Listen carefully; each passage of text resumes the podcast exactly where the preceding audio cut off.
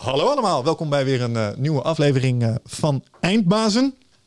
Um, vandaag hebben we in de studio zitten uh, Roanne van Vorst. Roanne, welkom. Dankjewel. Um, en jij doet iets wat ik denk ik het mooiste Scrabble-woord vind wat ik recentelijk heb gezien. Je bent een futurologisch antropoloog. Hij is goed, hè? Ja. Jeetje, zeg dat maar eens drie keer achter elkaar snel. Ja, ik denk dat ze op de theateracademie die voor nu gaan gebruiken. Futurologisch antropoloog. Ja. Um, en uh, zoals uh, de vaste luisteraars weten, uh, ik, ik, ben de laatste tijd een serie aan interviews aan het opnemen, waarbij ik heel graag vooruit wil kijken um, naar de mens, maatschappij, wat ons allemaal voor ligt, uitdagingen die we te overwinnen vanuit een beduidend positief en optimistisch perspectief omdat we hebben het zojuist even voorbesproken. Uh, ik meen iets in mijn omgeving te constateren wat anderen ook lijken te herkennen. Namelijk een bepaalde neerslachtigheid. En uh, ik kan het me heel goed voorstellen, want we hebben nogal wat moeten wegkoppen de afgelopen tijd. Um, maar toch geloof ik dat dat. Um, ik begrijp het, maar zonde is. Omdat vanuit die houding en die energie kijk je ook op een bepaalde manier naar alles. En worden je oplossingen dus ook daar een soort van mee besmet. En ik zou heel graag weer de toekomst willen framen vanuit een stukje optimisme. En dat was de reden om jou eens uit te nodigen. Want jij houdt je bezig met dit soort uh, bewegingen. Uh, waar gaat het naartoe? En dat soort zaken. Absoluut. Ja, ik ben, ik ben in 2014 ben ik gepromoveerd in de antropologie. En um, eigenlijk gaat al mijn onderzoek sindsdien, en toen ook al, um, naar de toekomst. Dus ik ben begonnen met de toekomst van klimaatveranderingen. Mhm. Toen deed ik de toekomst van conflict en natuurrampen.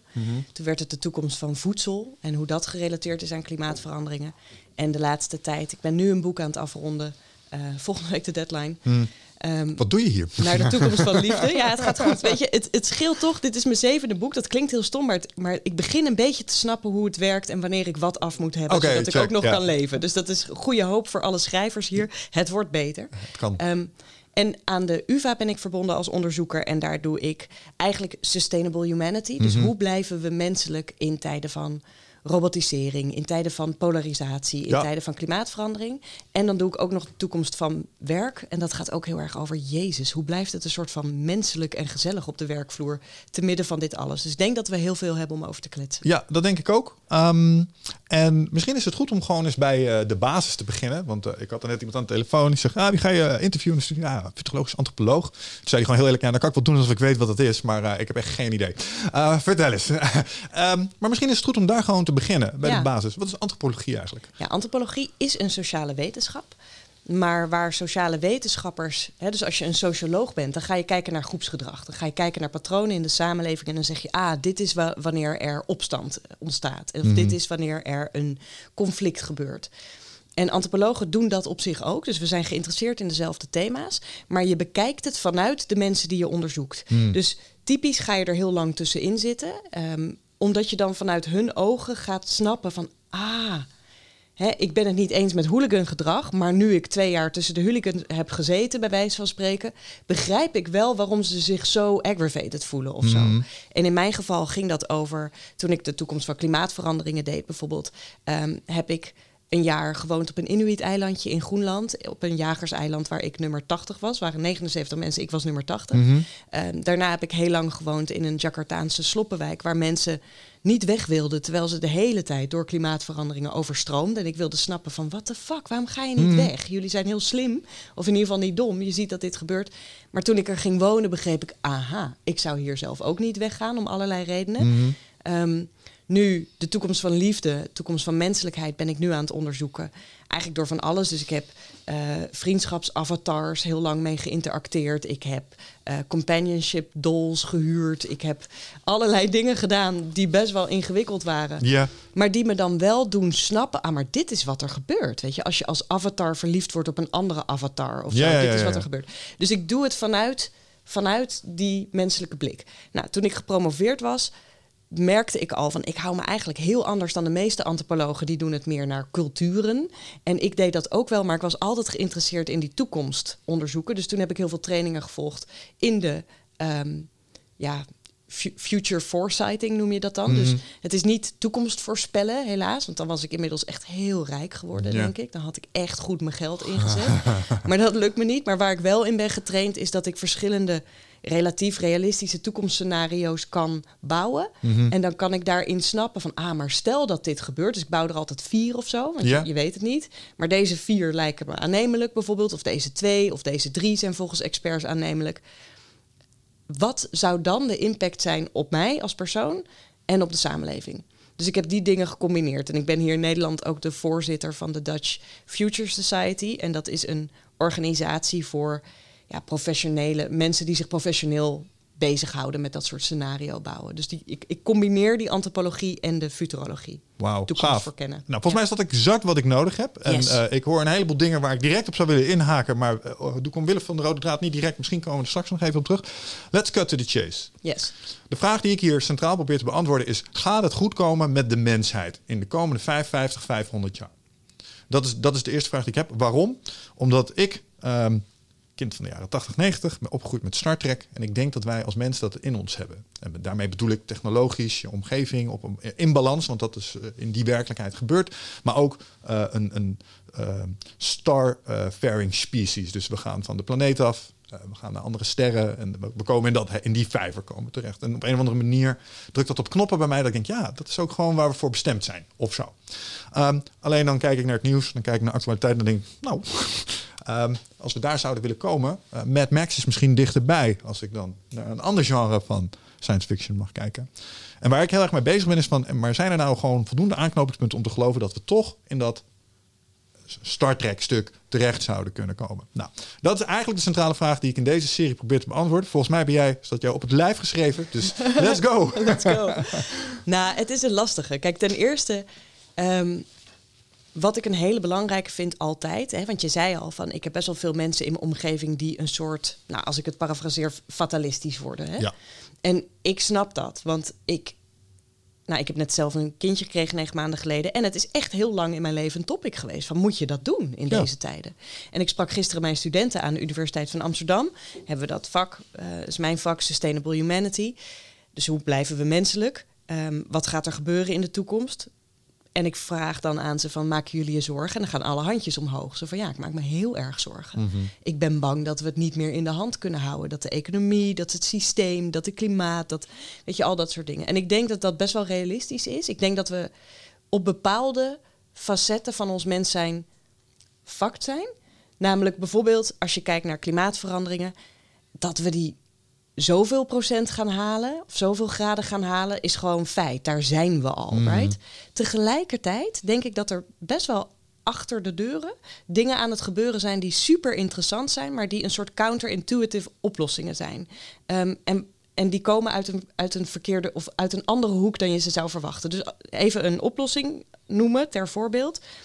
Als het gaat over klimaatveranderingen, dan houden we de hele tijd hebben we het over die anderhalve graad opwarming. ja. Anderhalve graad. Nou, die, die gaan we niet meer stoppen. Binnen vijf jaar of zo las ik in het ergste geval. Precies. Ja. Die gaan we niet meer stoppen. Waar het veel meer over gaat, is kunnen we die vier graden nog tegengaan? Want bij vier graden kan je je voorstellen, dat wordt niet meer leefbaar. Nee. En wat je nu ziet gebeuren op dit moment, is dat er vanuit die carbonmarkt is ineens ontzettend aan het rocketen. Hè? En Ja. dat is heel interessant. En die heeft een hele negatief imago. En ik kwam best wel uit een NGO-wereld door mijn werk vaak met overstromingen en met de toekomst. Dus ik was daar altijd een beetje van, ja, dan gaan we heel veel geld betalen voor CO2. Totdat ik begreep de afgelopen jaren, dat is heel belangrijk dat we gaan doen. En de reden dat dat voorheen niet is gelukt, is omdat die prijs veel te laag bleef. En dan komt iedereen ermee weg en dan bleef het vrijwillig. Nu zie je dat die, dat die prijs heel erg aan het stijgen is. En dat bedrijven, omdat bijvoorbeeld een Shell op dit moment olie moet blijven maken, dat is niet populair om te zeggen. Maar het is niet een kwestie van we gaan allemaal stoppen met vliegen en met autorijden. Nee, je fucking earphones zijn er ook van gemaakt, weet je wel. Dus op dit moment kunnen ze nog niet stoppen. Dat moeten ze wel gaan doen, maar ze kunnen het nog niet. Maar om dus te kunnen blijven maken wat ze op dit moment nog moeten maken, wil de wereld niet stoppen, zeg maar. Moeten ze gaan compenseren. En als die prijs heel hoog wordt, dan betekent het dat ze heel veel moeten gaan compenseren voor de CO2 die ze opmaken. En dat betekent dat ze op dit moment aan het kijken zijn naar echt massive bossen aan het bijkweken in landen als Laos of andere landen. Dat is aan het gebeuren en dat gaat nu heel snel, die ontwikkeling. Ja. En die had ik niet aanzien komen. Want ik zat nog veel meer bij, ah, de Paris Agreement en het komt vanuit de overheid. En toen raakte ik een soort van, oh, maar het komt eigenlijk niet echt vanuit de overheid. En oh, wij doen ook niet echt genoeg met z'n allen. Mhm. En nu denk ik, ha, interesting. Het zou wel eens vanuit de bedrijfshoek kunnen komen. Ja, maar ligt niet aan de bedrijfshoek. Daaronder ligt natuurlijk de markt. Ja. De marktwerking. Dat Ja. is het grote. de- dat heb ik wel vaker gedacht. Je moet de markt. aan- als je marktwerking het laat oplossen, dat is eh, voor het merendeel van de wereld is dat de grootste driver. Dus als het vanuit het publiek ineens wenselijk is om wel iets meer te betalen, maar voor een product waarvan ik weet voor elk ding wat ik ervan koop, wordt er ook een boom geplant. Ik noem maar iets. Ja. En ik zit in een essentiële crisis en ik denk, maar ik wil er iets aan meedoen, dan ga ik ineens voor die producten kiezen. Absoluut. En dat is ook. Ik heb best wel lang onderzoek gedaan naar de toekomst van voedsel. En ik kwam uit met een boek Ooit aten we dieren. En ik. Weet je, ik geloof ook niet dat het uitmaakt of ik wel of niet een biefstukje eet. Weet je wel? Niet als individu. Waar ik wel in geloof, is dat als klanten steeds meer gaan vragen naar de Beyond Burger. Dat is de best goed gelukte eh ja, ja, ja, ja, burger. zeker. Ehm, dat supermarktmanagers gaan merken van oké, die, die schappen zijn elke keer leeg. De biefstukken blijven wat vaker liggen. We gaan dus meer van de Beyond inkopen. Het is gewoon lucratief. En dat op grotere schaal wordt wat interessanter eh, voor het nationale economie. En dat laat zien aan de politici van oké, mensen zijn hier heel erg mee bezig. Dus laten we ons partijprogramma er iets meer op verrichten. Dus ik geloof heel erg in die van onderop werking richting bedrijven, richting overheid, in plaats van andersom. Ja, en waar mijn sceptisch voorheen daarin zat, is, en daar hoor ik jou nu ook iets geruststellends in zeggen, is dat ik dacht altijd dat dat proces stroperig was en op zijn minst tien jaar zou behelsen. Ja. Maar ik wil jou zeggen, het gaat redelijk snel. En ik hoorde Wouter van Noord daar ook iets over zeggen. Dat soort verandering gaat, hè, en dat snappen we nu allemaal een stukje beter. De COVID gaat ook exponentieel. Dus als je daar de R boven de 1 krijgt als het gaat om mindset, Ja. dan werkt dat ook super aanstekelijk. Ja, en er is nog iets gaande. Weet je, ik heb een stukje zitten luisteren. Volgens mij was dat de podcast met Wouter, die ik ook ken omdat ik stukken voor de NRC af en toe schrijf over Ja. de toekomst van de liefde. En volgens mij, ik vond dat jij daar iets heel moois zei, namelijk wat we nu doen, de besluiten die we nu nemen, maar ook de attitude die we nu hebben, die gaat gewoon van impact zijn op wat er straks gaat gebeuren. Right? Ik bedoel, de toekomst bestaat nog niet. Die zijn we echt op dit moment aan het maken met elke, Ja. met elke beslissing. Dus wat daaruit voorkomt voor mij, is dat als je nu al. Ik vind bijna dat we daarom een verantwoordelijkheid hebben om hoopvol te blijven. Ja. Want wat er gebeurt anders is als ik zeg, nou, maar het gaat toch allemaal geen zin hebben. Nou, dan, dan ga je dus vanzelf niks meer doen. Als ik zeker zou weten, 100% guaranteed, we're fucked. Dan ga ik nu zeker weten, 100% gewoon partyen op technofeestjes en mijn ding doen. Right? Want dan heeft het toch geen zin. Ja. En dat heeft een impact voor de volgende generatie. Als Dus- we dit zouden veranderen in een komeet die over tien jaar inslaat, waar ik no way, no how, zelfs niet met alle atoombommen die we hebben, ook maar iets van de koers kan laten afwijken en daarna is het eh, einde oefening. Ja, wat ga dan, jij doen? Dan verander je je gedrag. Nou, dan ga je eerst rouwen waarschijnlijk, even. Maar daarna denk je, oké, balls to the wall. Dan, Ja. dan gaan we er Wat wil voor. ik allemaal nog doen? Wat D- heb dit, ik altijd dit, al dit, En dan maakt dan, Bucketlist. de consequenties zijn ineens minder, want het, het echoot niet door hierna. Absoluut. En Dus daar zit inderdaad het gevaar. En daar Ja. zie ik sommige mensen, en, en ik herken dat bij mezelf, het voelde even als zo'n komeet. Ja. Ja. En, en daar, daar heb ik dan wel een interessant eh, of een, een vraag over waar ik mee worstel. Kijk, ehm, ik ben best wel ehm, een conformist. eh, ben ik achtergekomen als het bijvoorbeeld gaat om dingen als COVID. Ik vond best wel, hey, we mogen best wel naar onze overheid luisteren. Sommige dingen kunnen we best wel eh, mee in de pas lopen en dat soort zaken. Ehm, en dan ben ik even kwijt hoe ik het eh, draadje wilde maken naar waar we het zojuist over hadden. Ja, die vinden we vanzelf. ja, die vinden we vanzelf wel. Ehm waar hadden we het over? Ehm, we hadden het over de verantwoordelijkheid om soort van hoopvol te blijven, omdat je dan in ieder geval in actie blijft. Juist, juist, juist. En, en ik herken het, het stukje dat het even voelde alsof het die komeet was. Eh, en, en wat ik dus eigenlijk wilde zeggen is, als je je naar luistert en je vindt jezelf daar mentaal aan, eh, tref je jezelf mentaal aan, ehm, dat is heel begrijpelijk. Ja, Alleen tegelijkertijd komt het ook, en dat is eh, hoe ik op COVID kwam, ehm, het wordt gevoed vanuit de media die ik consumeer. En ik heb gemerkt dat dat fenomeen, en dat is relatief, ik weet niet of dat relatief nieuw is, misschien is dat ook wel zo oud als dat we media hebben, maar ehm, daar komt dat beeld met name vandaan. Dat gevoel alsof het eh, die komeet is. En wat ik denk dat super belangrijk is, is dat we nu als maatschappij ervoor gaan kiezen om enerzijds, want die nieuwsoutlets doen wat ze doen. Die kunnen volgens mij niet heel erg anders. Eh, Ik moet zeggen, Wouter heeft me daar wel iets van hoop gegeven door aan te geven waar eh, vanuit hun KPI's toch ook heel veel eh, naar gelezen wordt. Eh, opiniestukken zei hij volgens mij. Maar ik zie toch wel tegelijk als ik nu.nl en, en een aantal andere websites bezoek, daar komt dat gevoel vandaan. Ja. En, en mijn vraag is, is dat iets wat er, wat er altijd al was? Ehm, of is het ook een probleem van deze tijd? En is het iets wat we wel, als het gaat om die framing, nu toch wel echt als de bieden weer gaan moeten gaan tackelen?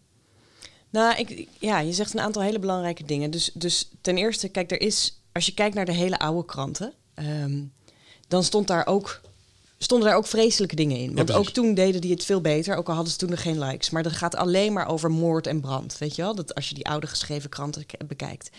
Maar tegelijkertijd is het nu natuurlijk wel zo. Wat ik denk ik meer een probleem vind, is dat je een. Je krijgt niet alleen een heel klein deel van het nieuws. Want het is natuurlijk, er gebeurt de hele dag van alles wereldwijd. En als jij kijkt naar komkommertijd in de zomer. Dan staan er ineens allemaal leuke, vrolijke series in de krant. Het is niet zo dat de oorlog in Afrika ineens afgelopen is of zo. We rapporteren er alleen niet meer over, omdat er eventjes behoefte is aan wat lichts. Dus ook met COVID vond ik het heel interessant om te zien.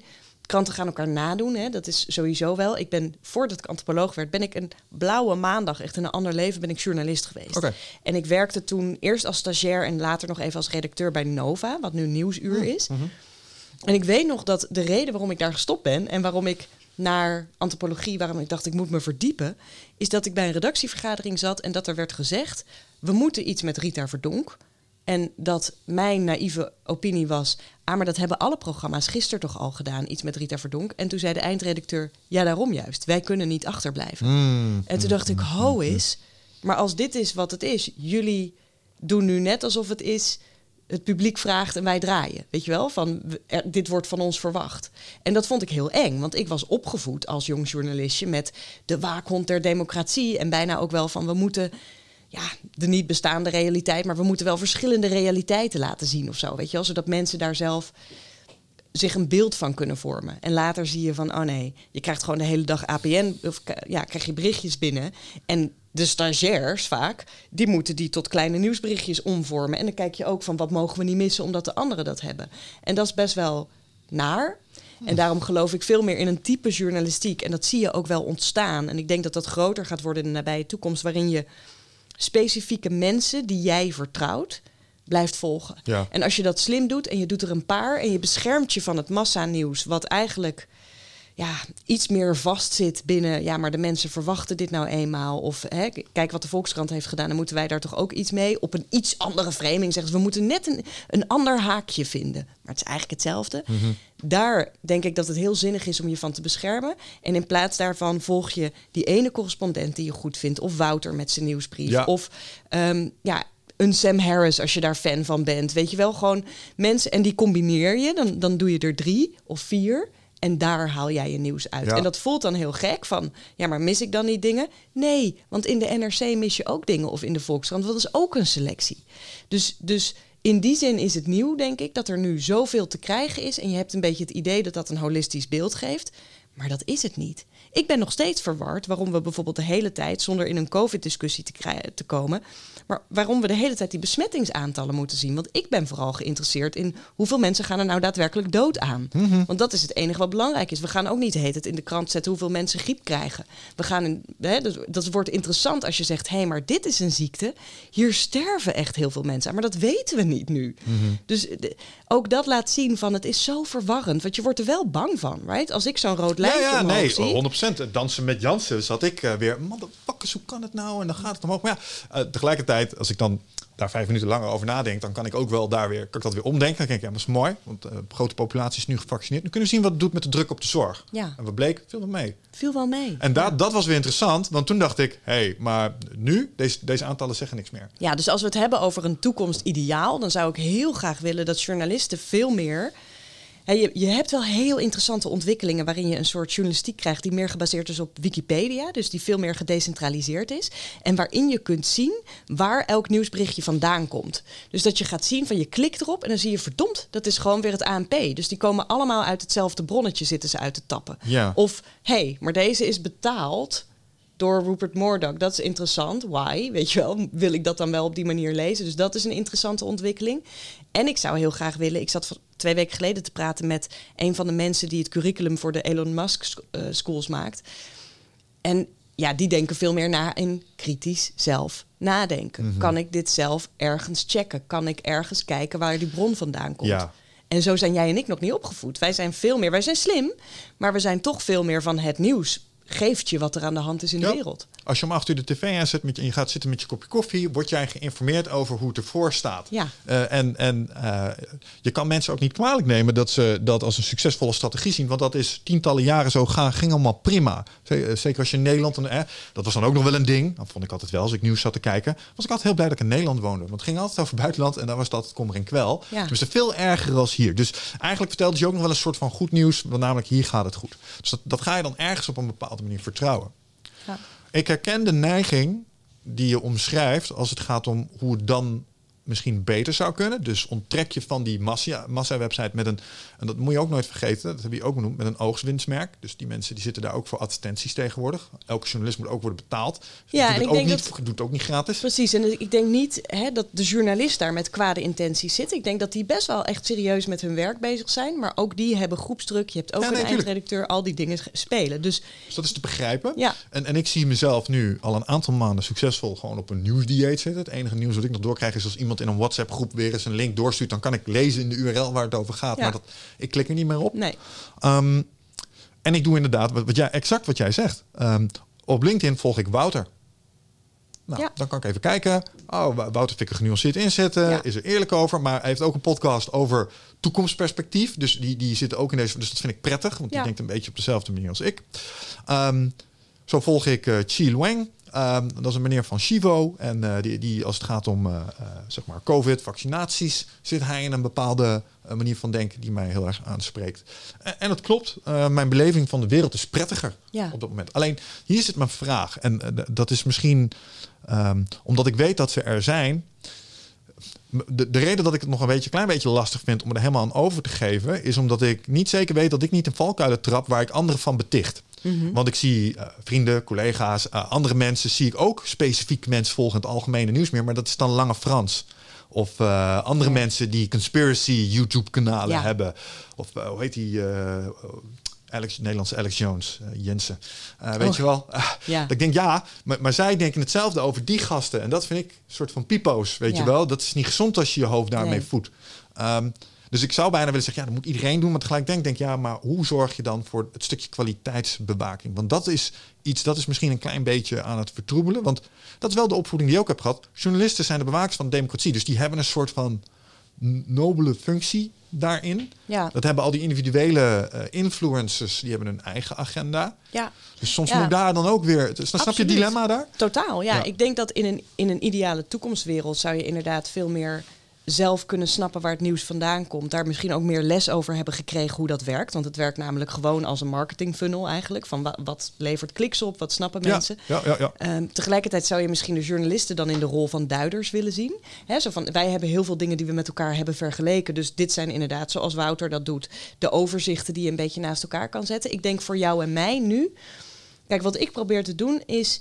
Ik probeer het mezelf altijd een klein beetje oncomfortabel te maken. Dus ik heb ook een aantal podcasts, mensen die ik luister, eh, nieuwsbrieven die ik zie.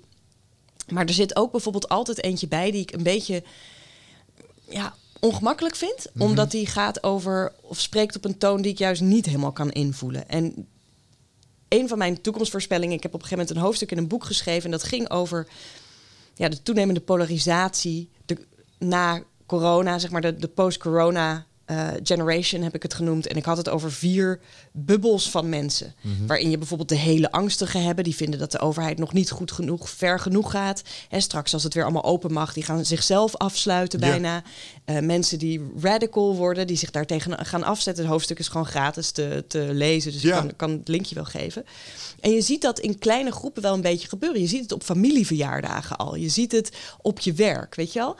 Dus wat ik doe, ik kreeg laatst een leuke tip voor eentje eh, die daar heel geschikt voor zou kunnen zijn. Ehm, hij zei tegen mij: luister maar eens naar de All Things podcast. En dat is een twee uur durende podcast. Die gaat een beetje over alles van vier best wel slimme mannen. Ja. Maar hij zei: ik ben het er ook lang niet altijd mee eens. En toen dacht ik: oké. Dan is dat misschien een goede. Dus ik doe een aantal die ik gewoon echt interessant vind. Dus bijvoorbeeld, ik luister naar de Nieuw- Nieuwe Wereld. Ik kijk de. eh, er is nog een tech-filosofie eh, nieuwsbrief die ik lees. Ik lees verschillende nieuwsbrieven van futuristen, van collega's. Ehm, ik, le- ik luister heel veel naar een bepaalde filosofie-podcast. Maar dan doe ik ook zo'n soort ding erbij. Ja, ja. Om feeling te houden met waar andere mensen misschien naar luisteren. Omdat dat is misschien dan de antropoloog in mij. Als ik een beetje kan snappen waar ze vandaan komen. Als ik me kan herinneren van, oh ja, maar jouw nieuwsfeed op je socials is zo anders dan die van mij. Ik snap wel dat als jij dat Ja, hebt gelezen, ja, ja. als jij dit de hele tijd in je kringetje hoort, dan snap ik wel een beetje waar jij vandaan komt. En dat geeft me als voordeel dat ik, als ik met ze in gesprek wil, waar ik ook niet altijd de, de, de moed voor heb of de energie voor heb, maar dan kan ik ze wel in hun taal benaderen. Mhm. In plaats van dat ik ze helemaal een soort van, hè, welke wereld leef jij? Ja, Ik snap het, weet je wel. Ik snap waar ze vandaan komen en dan kan ik vragen gaan stellen. En dat is vaak gewoon meer effectief om tot een gesprek te komen. Ja, en ik denk ook, eh, want eh, nogmaals, eh, dit, dit zijn ware, heuse dynamieken. Ik herken enerzijds wat je zegt, dat je in, het klein zie je al dergelijke polarisaties. Want iedereen heeft wel iemand in de familie die bijvoorbeeld... eh, Die ene oom. die ene oom die wil wel of niet vaccineren, afhankelijk van wat je familie Ja. aanhangt, zeg maar, als, eh, Ja. als belangrijkste gedachtegoed. En daarmee is het dan een klein beetje het zwarte schaap. Tegelijkertijd, ik ben ook weer met mijn vrienden recentelijk eh, gewoon lekker bij elkaar gekomen, omdat het weer kon. We hebben het er twee minuten over gehad, omdat we er stiekem ook wel zoiets hadden. Ja, maar we zijn gewoon matties met elkaar. We hoeven het er helemaal niet over te hebben, want Nee. zo belangrijk is het nou toevallig in dat opzicht ook weer niet. Ehm, en wat ik, waar, waarom ik eigenlijk ook wel blij mee ben, is dat dit gebeurt. Eh, want COVID was gelukkig geen ebola 3.0. Nee. Dus En ook geen Spaanse griep. en dat het dus, eh, Ja. dat het dus gebeurd is met, met, met eh, COVID is heel prettig, want het heeft dit wel blootgelegd. En ik denk dat als we teruggaan naar waar we mee begonnen, hey, hoe gaan we nou op een goede manier geframed naar voren? Moeten we dit onderkennen? Moeten we iets vinden van die algoritmes die die echokamers aanzwengelen? Misschien moeten we snappen dat dat polarisatie in de arm spreekt. En daar kun je oplossingen voor verzinnen. Ja. Hoe zou zo'n oplossing, wat jou betreft, voor dit specifieke fenomeen eruit kunnen zien? Nou ja, kijk, bij het, bij het polariseren. ehm, ik heb een. Ik ben co-founder van een bedrijf en ik heb daar een wetenschappelijke adviesrol. En dat gaat over de toekomst van werk. En daar, we, we trainen bedrijven en, en leiders voornamelijk daarin om zich voor te bereiden op die toekomst. Is en dat Hedge? Ja, dat is. Ja. En dat gaat op basis van wat er nu al gebeurt. En voor mensen op de werkvloer is dit heel heftig. Hè? Want je krijgt nu... Kijk, jij en ik hebben een beetje freelance... We kunnen ons eigen leven indelen, zeg maar. Maar ehm, als jij elke dag naar kantoor moet... dan heb je nu te maken met regels. Je mag wel of niet twee dagen. Sommige mensen vinden dat super spannend. Sommige mensen willen dat helemaal niet meer. Andere mensen zeggen, ja, we houden ons helemaal niet aan de regels. En weer andere mensen willen gewoon heel graag terug naar hoe het was. En jij staat daar als manager tussen. En je moet, oh ja, ook nog de hele dag Zoom-vergaderingen doen. En met de helft gaat het minder goed of zo. Ja, Weet je wel? Dat ja. is best wel een groot issue. Dus wat we proberen te... Ja, daar gaat het over... Ik heb daar een, een, een, een lijst eigenlijk gedefinieerd van... wat zijn nou de belangrijkste future skills? En future klinkt dan ver weg, maar ik denk dat jij en ik ze ook al nodig hebben. Ehm, en één daarvan is complexe communicatie. Dus je moet echt beter in staat zijn om tussen al die mensen die het helemaal niet met elkaar eens zijn, tussen vergaderingen waarin je dingetjes voelt broeien, weet je, dat wordt niet uitgesproken, maar je weet bij de koffieautomaat wordt er nu meer geroddeld, want ik voel gewoon er is ergernis. Dat moet je kunnen aanvoelen. Dat is op dit moment dat aanvoelen typisch nog iets wat een algoritme niet kan. Ook al wordt dat de hele tijd geroepen, kunstmatige intelligentie kunnen echt nog very little, zeg maar. Ja, ze zijn niet zo slim als je hoopt. Nee. Dus je intuïtie kan dat veel beter, maar die moet je wel blijven trainen. Is veel moeilijker over Zoom, dus dat is al lastig. Je Mhm. ziet echt dat dat achteruit gaat. En zij moeten in staat zijn om tussen al die mensen die het helemaal niet zo eens zijn, te vinden waar zijn we het wel over eens. En wat kunnen we nu doen om alle twee die gezichtspunten een beetje te, ehm, tegemoet te komen. Ja. Dus je, je noemt dat. Jij hebt volgens mij, ik weet niet of jij dat was of Wiggert dat was, maar je hebt Jitske Kramer wel eens in de uh, was gehad. Nou, nee, ik ben eh, toen op het kennisfestival was ze ook bij Ja. ons in de studio. Nou, Jitske Kramer heeft daar bijvoorbeeld een... ehm, zij is ook antropoloog, bedrijfsantropoloog. En zij heeft daar een, een één theorie voor of één praktijk voor. En dat heet eh, de wijsheid van de minderheid. En daarin ga je eigenlijk actief zitten vissen, als ik het even in mijn eigen woorden mag zeggen, naar wat er nou allemaal speelt. Mensen die zich niet uit durven spreken. Dus stel dat er hè, op jouw bedrijf iedereen vindt dat je gewoon zelf testen moet doen en zich moet vaccineren. Maar er zijn natuurlijk ook mensen die dat helemaal niet vinden. For their own good reasons misschien. Maar die durven dat niet te zeggen, want het zijn er maar drie en de rest zijn met z'n zeventienen. En dan gaat zij, of de leider in kwestie, en dit soort dingen leren wij ook aan onze mensen, maar dan op een andere manier. Uh, maar om hem even heel erg te simplificeren, die gaat dan zeggen van ja, maar wie kan er een nadeel bedenken van als we dat nou een gebod maken bijvoorbeeld? Weet je, en dan dwing je mensen om met een nadeel. Maakt niet uit of jij het ermee eens bent, wie kan met een nadeel komen? En dan komen er wat dingen naar boven, dus dan voorkom je dat het onder de grond maar blijft broeien.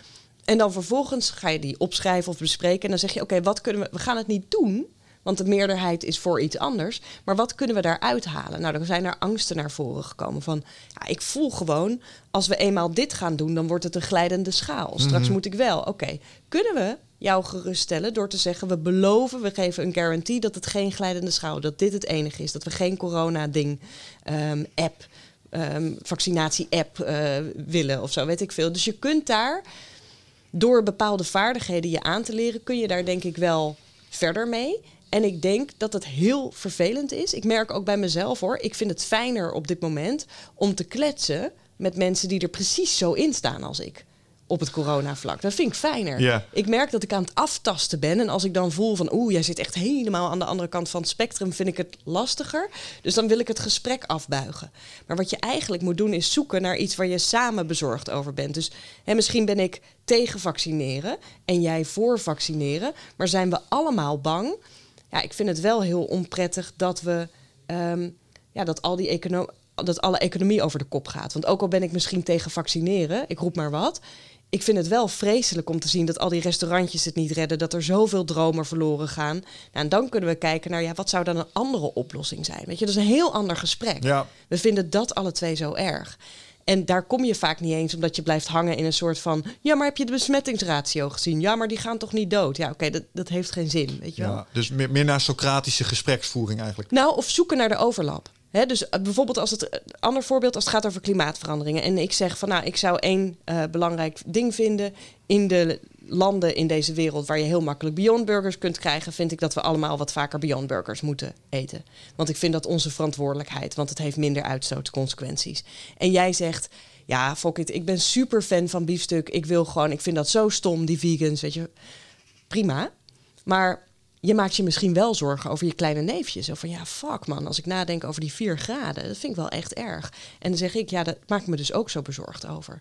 En dan, weet je, dan zitten we even van dat vleesding af. Maar dan kun je wel gaan zien van, ja, wat denk jij dat er nodig is? Oké, misschien denk jij dat de oplossing vanuit de overheid moet komen. Misschien dacht ik dat het vanuit de consument moet komen. Maar ineens hebben we elkaar toch even gevonden van, ja, dat is ook gewoon erg. Ja. En dat geeft echt een andere vibe aan zo'n gesprek. En het is ook veiliger. Ja, maar dat vergt toch wel een bepaalde communicatieve vaardigheid ook van de betrokkenen. Ja. Denk ik. Ja. En, eh, ik heb met, eh, misschien kunnen we het daar heel even kort over hebben. ehm, want ik heb met heel veel fascinatie een, eh, laatst een HBO-documentaire zitten kijken over Q. Q Into the Storm. Het gaat over QAnon. Ik weet niet of je het hebt Oh ja, meegekregen. ja, ja, ja. Dat was echt een conspiracy. Maar dat heeft er uiteindelijk dus, en dat wist ik ook niet helemaal, maar voor gezorgd voor die bestorming van het Capitool in Washington. Ehm, en wat je daar precies ziet zijn die echt Samen met de opruiing van ja, exact. Trump ja, ja. nee, 100% waar. Ehm, maar, maar wat je daar dus ziet, is dat het steeds moeilijker wordt en de behoefte ook steeds kleiner wordt. En dat, dat heb ik bij mezelf ook al bespeurd in Nederland met, in kleinere mate met mensen die eh, op een gegeven moment kwam dat zelfs een beetje overwaaien. Die stonden voor het parlement en die begonnen onze parlementariërs uit te maken voor kinderverkrachtende satanisten, weet je wel. Dus je ziet dat lekt ook over. Ja. En als je daar op het spectrum zit, bespeur ik bij mezelf, ja, dan word je antagonistisch ook ergens. En merk ik dat de behoefte om je te willen begrijpen en met je in gesprek te willen en jouw kant te gaan pakken, wordt, wordt ook een stukje minder. Ja. En, en dat is een, een ehm, evolutionair psychologische neiging van denken in teams. En, en die vind ik zelfs nog, vind ik soms nog een beetje moeilijk. Want in mij is ook uitgelegd, ja, als je iemand van gedachten wil veranderen, moet je deze houding pakken zoals je hem beschrijft. Hoe counter ik echter dat stukje van, ja, maar sommige mensen, dan- denk ik, je bent een moron. Zo, stempel op je hoofd, moron. Maar eigenlijk is dat niet helemaal fair. Herken je wat ik ja, bedoel? absoluut. Ja, nee, maar eh, kijk, een paar dingen. Ik, ik, toen ik dat boek schreef over de toekomst van voedsel eh, en uitkwam bij, oké, misschien moeten we echt meer naar een soort van iets meer plant-based en iets minder dit, werd ik natuurlijk in televisieprogramma's heel vaak gezet tegenover de boeren.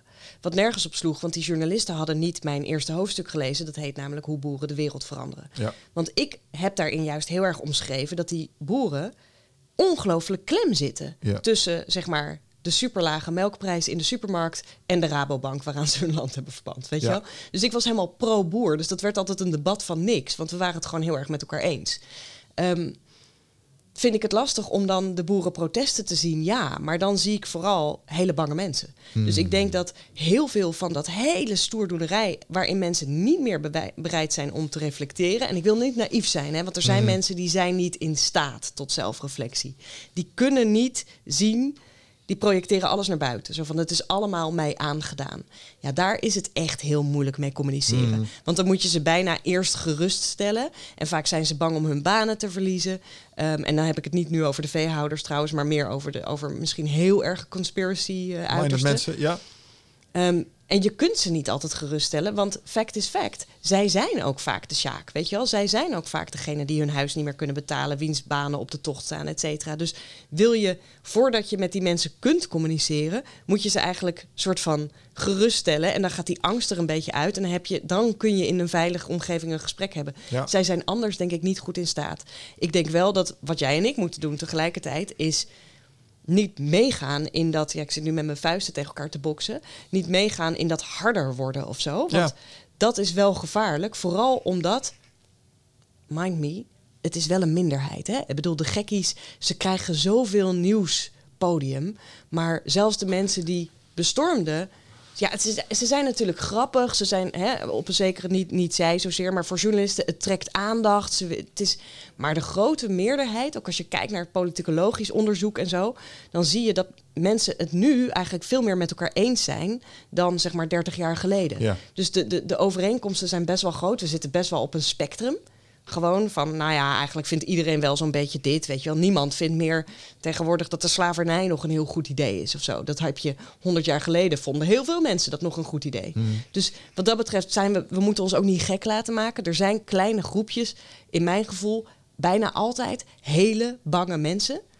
En die zijn bijna niet meer mee te communiceren. En dat heeft misschien ook niet zo heel veel zin op dat moment. Mhm. Daar moeten echt eerst structuren voor veranderen. Maar de meeste mensen, zeg maar die vervelende oom op die verjaardag, kan je nog best wel mee communiceren. Ja, ja, ja, ja. Nou, ik, probeer, ik vraag me ook af hoe je er naar kijkt vanuit een, eh, een- antropologisch perspectief. Mhm. Als het gaat om wat je daar straks zei over de wijsheid van de minderheid. Want Ja. het feit dat ze zo zich gedragen is.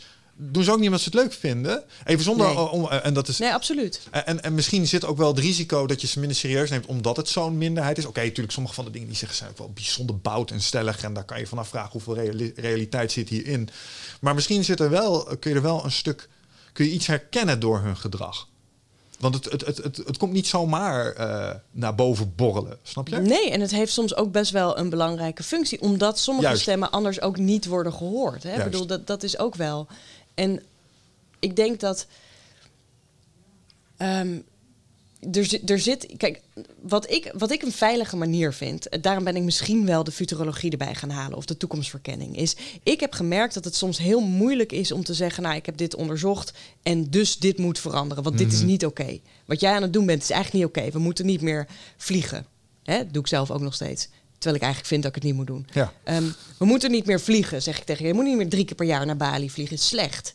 Heeft niet zoveel zin, want het enige wat jij waarschijnlijk tegen mij gaat zeggen is... ja, nou ja, oké, maar de wereld gaat toch naar de vak. En eh, hallo, ik vind het ook heel belangrijk om andere culturen te zien. Wat twee hele goede argumenten zijn. Maar als ik... Ik heb gemerkt in ieder geval voor mezelf wat veel werk bij lezingen... als ik een toekomstscenario bouw voor mensen. En laat zien, zo zou de wereld er over 15 jaar zomaar uit kunnen zien.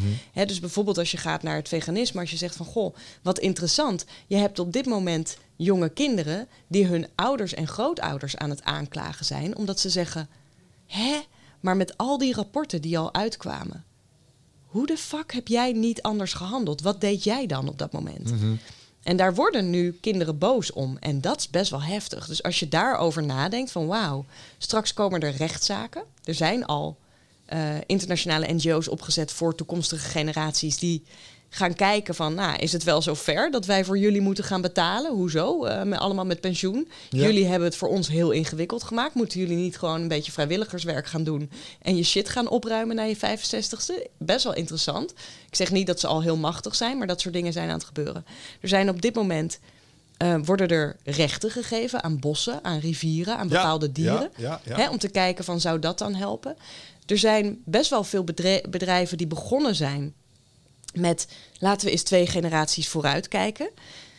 Als je kijkt naar het veganisme, is dat nog mega klein. Mega klein. 1 tot 2 procent van de bevolking. Maar het overgrote merendeel van die 1 tot 2 procent zijn jonge mensen. En die gaan straks wel de portemonnee beheren. Dus het zou zomaar kunnen, dat dit is een van de snelst groeiende sociale bewegingen, wordt vaak gezegd. Het zou zomaar kunnen dat dat over 10, 15 jaar echt een veel grotere groep is. Als je dan ineens gaat kijken hoe, hoe gek het nog is of zo, of hoe ingewikkeld het nog is, als de cultuur veranderd is, als vliegen straks wordt gezien als iets wat je eigenlijk gewoon niet doet, omdat het echt een beetje aso is.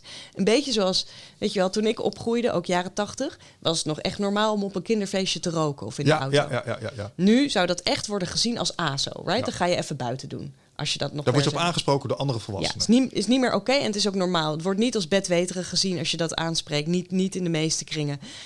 Nee, dat kan je echt wel zeggen. Dus stel je voor dat vlees eten of dat ehm, bepaald social media gedrag zelfs... of dat vliegen echt wordt gezien als een beetje asociaal...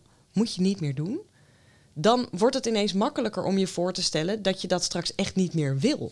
Omdat je nu altijd halfslachtig met een soort schuldgevoel zit... En misschien gaat het straks bijna wel bevrijdend voelen om dan mee te gaan in wat op dat moment bijna de mode aan het worden is of zo. Om een beetje bij de frontrunners te horen. Want dan heb je dat schuldgevoel ook niet meer de hele tijd. Hè, dus dan voelt het niet meer alsof je iets ingewikkelds moet opgeven. Dan voelt het meer van, weet je, ik wist eigenlijk al de hele tijd dat ik dit moest doen. En nu voelt het ook echt alsof het zin heeft. Want ik zie voor me in een toekomstverhaal dat straks bijna iedereen hier naartoe gaat. En Ja. dan voelt het ineens niet meer zinloos. En we moeten ook niet vergeten dat er, dat er zullen altijd een, een groep mensen zijn die als ze dit soort dingen horen, dan gaat er iets aan. De innerlijke rebel. En die willen dan recalcitrant zijn. Maar dat zijn vaak ook de luidste mensen.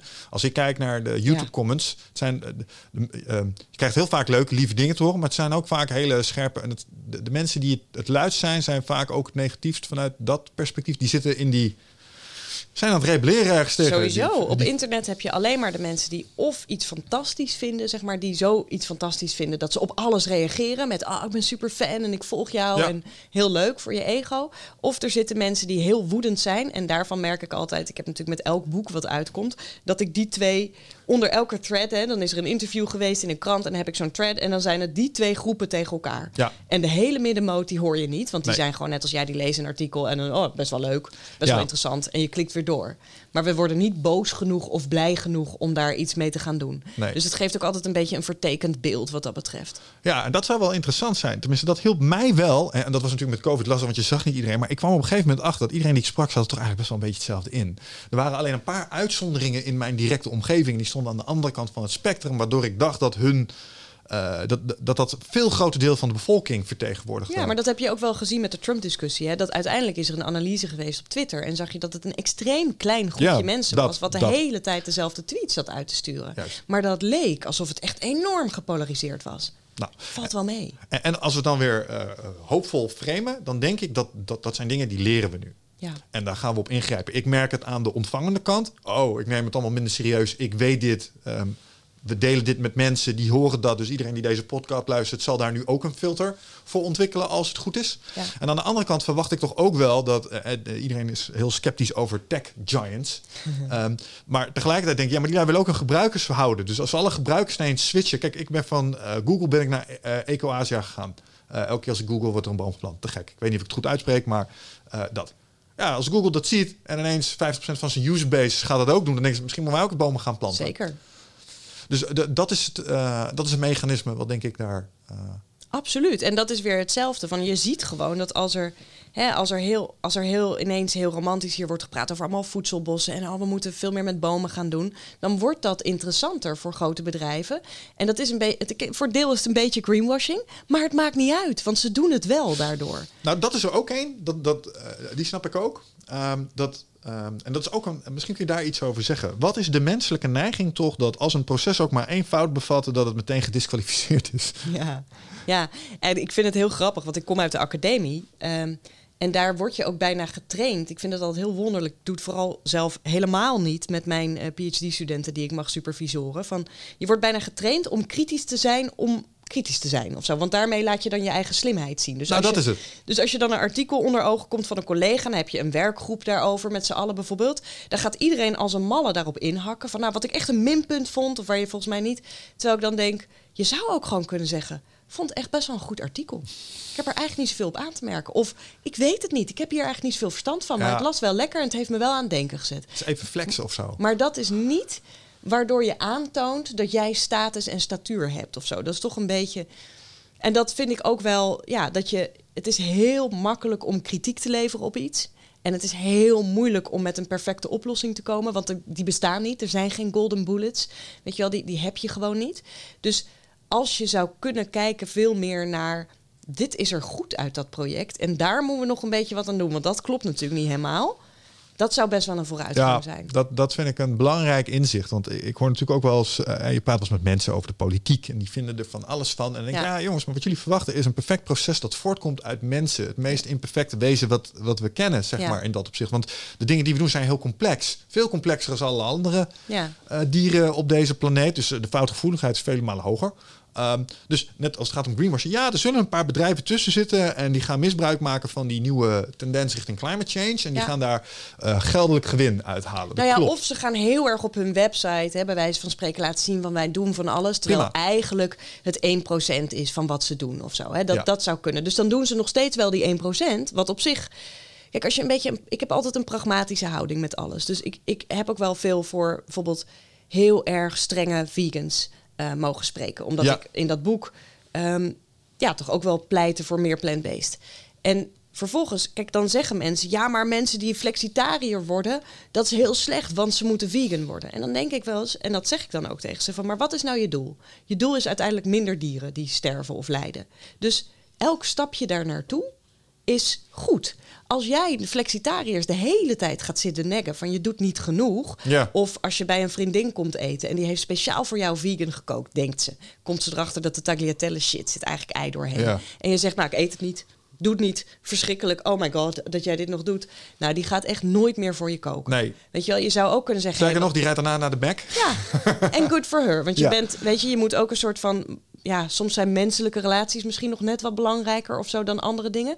Dus je zou ook kunnen zeggen, wat is nu pragmatisch? Ze heeft haar best gedaan, ze was nog niet informed genoeg. Dus ik zeg, hey, te gek, super lekker, je hebt een vegan ding gemaakt. Wist je dat hier zelfs ei in zit? Ja, wist ik ook niet hoor, vroeger. Maar je hebt ze wel bij de supermarkt. Nou, dan Ja, gaat ze dat de volgende keer echt wel doen. En dat recept maakt ze misschien nog wel eens, want ze vond het lekkerder.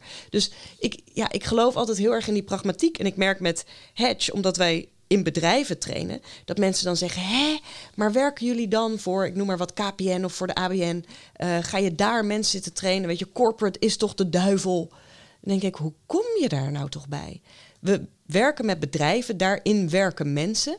Is het niet zo dat je de wereld kan veranderen door met hele grote groepen mensen heel veel eh, transformaties door te gaan?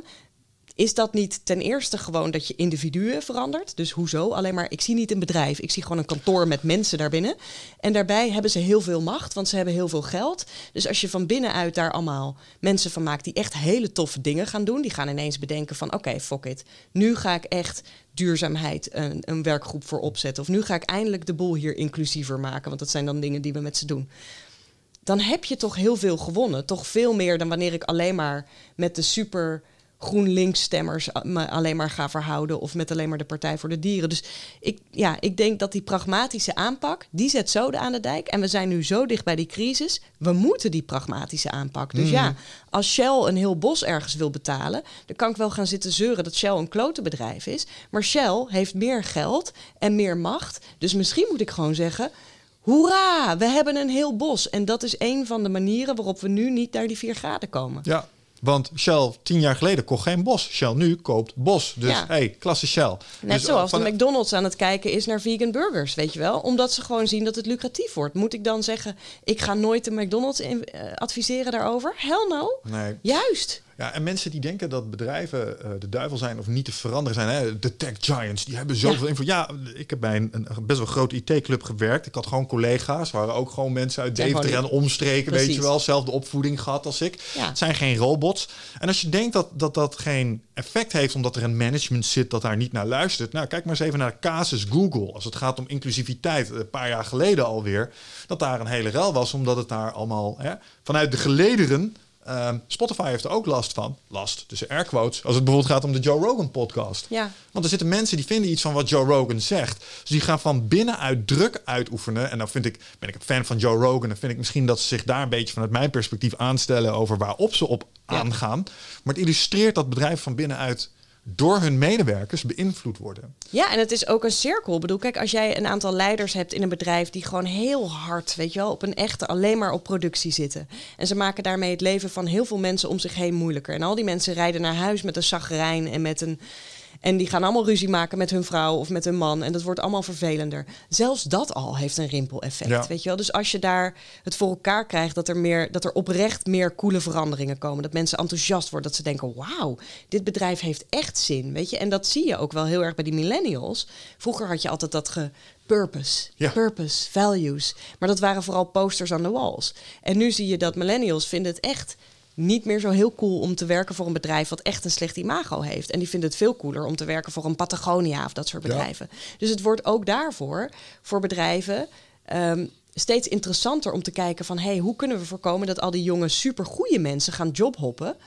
Want die willen naar het bedrijf wat zich echt houdt aan de values. Dus ja, ook voor de bedrijven zelf wordt het interessanter. Alleen weten ze vaak nog niet hoe. Ja. En ik ben het helemaal met je eens. Het zijn gewoon mensen met een lief thuis, waar ze ook soms vervelende gesprekken mee hebben. Of weet je wel, een kind dat ziek is, of iets wat ze graag of gedoe met hun ouders. Weet ik. Het zijn gewoon mensen. Mensen. Dus ja, hou eens op met dat duivel-idee. Dat vind ik ook een beetje een dommige zicht op de werkelijkheid. Want er zit in de Verenigde Naties, waar ik ook mee heb gewerkt, of consultancy dingetjes mee heb gedaan. En dat heeft dan sorry, maar dat is ook gewoon een groot bedrijf. Weet je wel, dat is ook niet alleen maar een NGO of de Wereldbank. De Wereldbank is een bank, mensen. Daar gebeuren ook gewoon dingen voor groei en zo. Dus het heeft een soort zwart-wit zwart manier van kijken. En als je het hebt over Google, kunnen we niet gewoon zeggen: ze doen best wel dingen die scary zijn voor de toekomst. En ze doen best wel dingen die heel inspirerend zijn. Het kan ook gewoon en-en. En ze zijn van binnenuit te beïnvloeden. Dus op het moment dat de shit die ze doen te scary wordt, gaan mensen naar andere bedrijven, naar de concurrent, die namelijk wel de oude mission statement,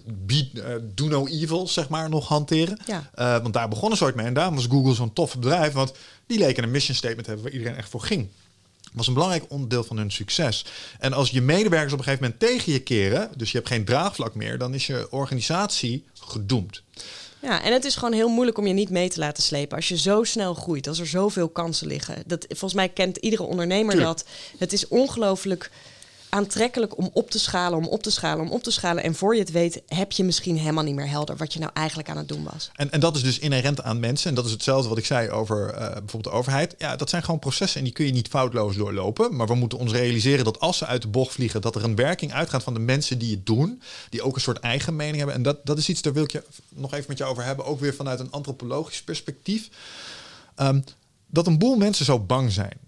Ja, komt voor een belangrijk deel ook, en, en dus afzetten tegen overheidsinstanties, organisaties, instellingen en alles wat maar controle op hun leven lijkt uit te oefenen op een manier die ze niet willen, die lijken te zijn vergeten waar de echte macht ligt.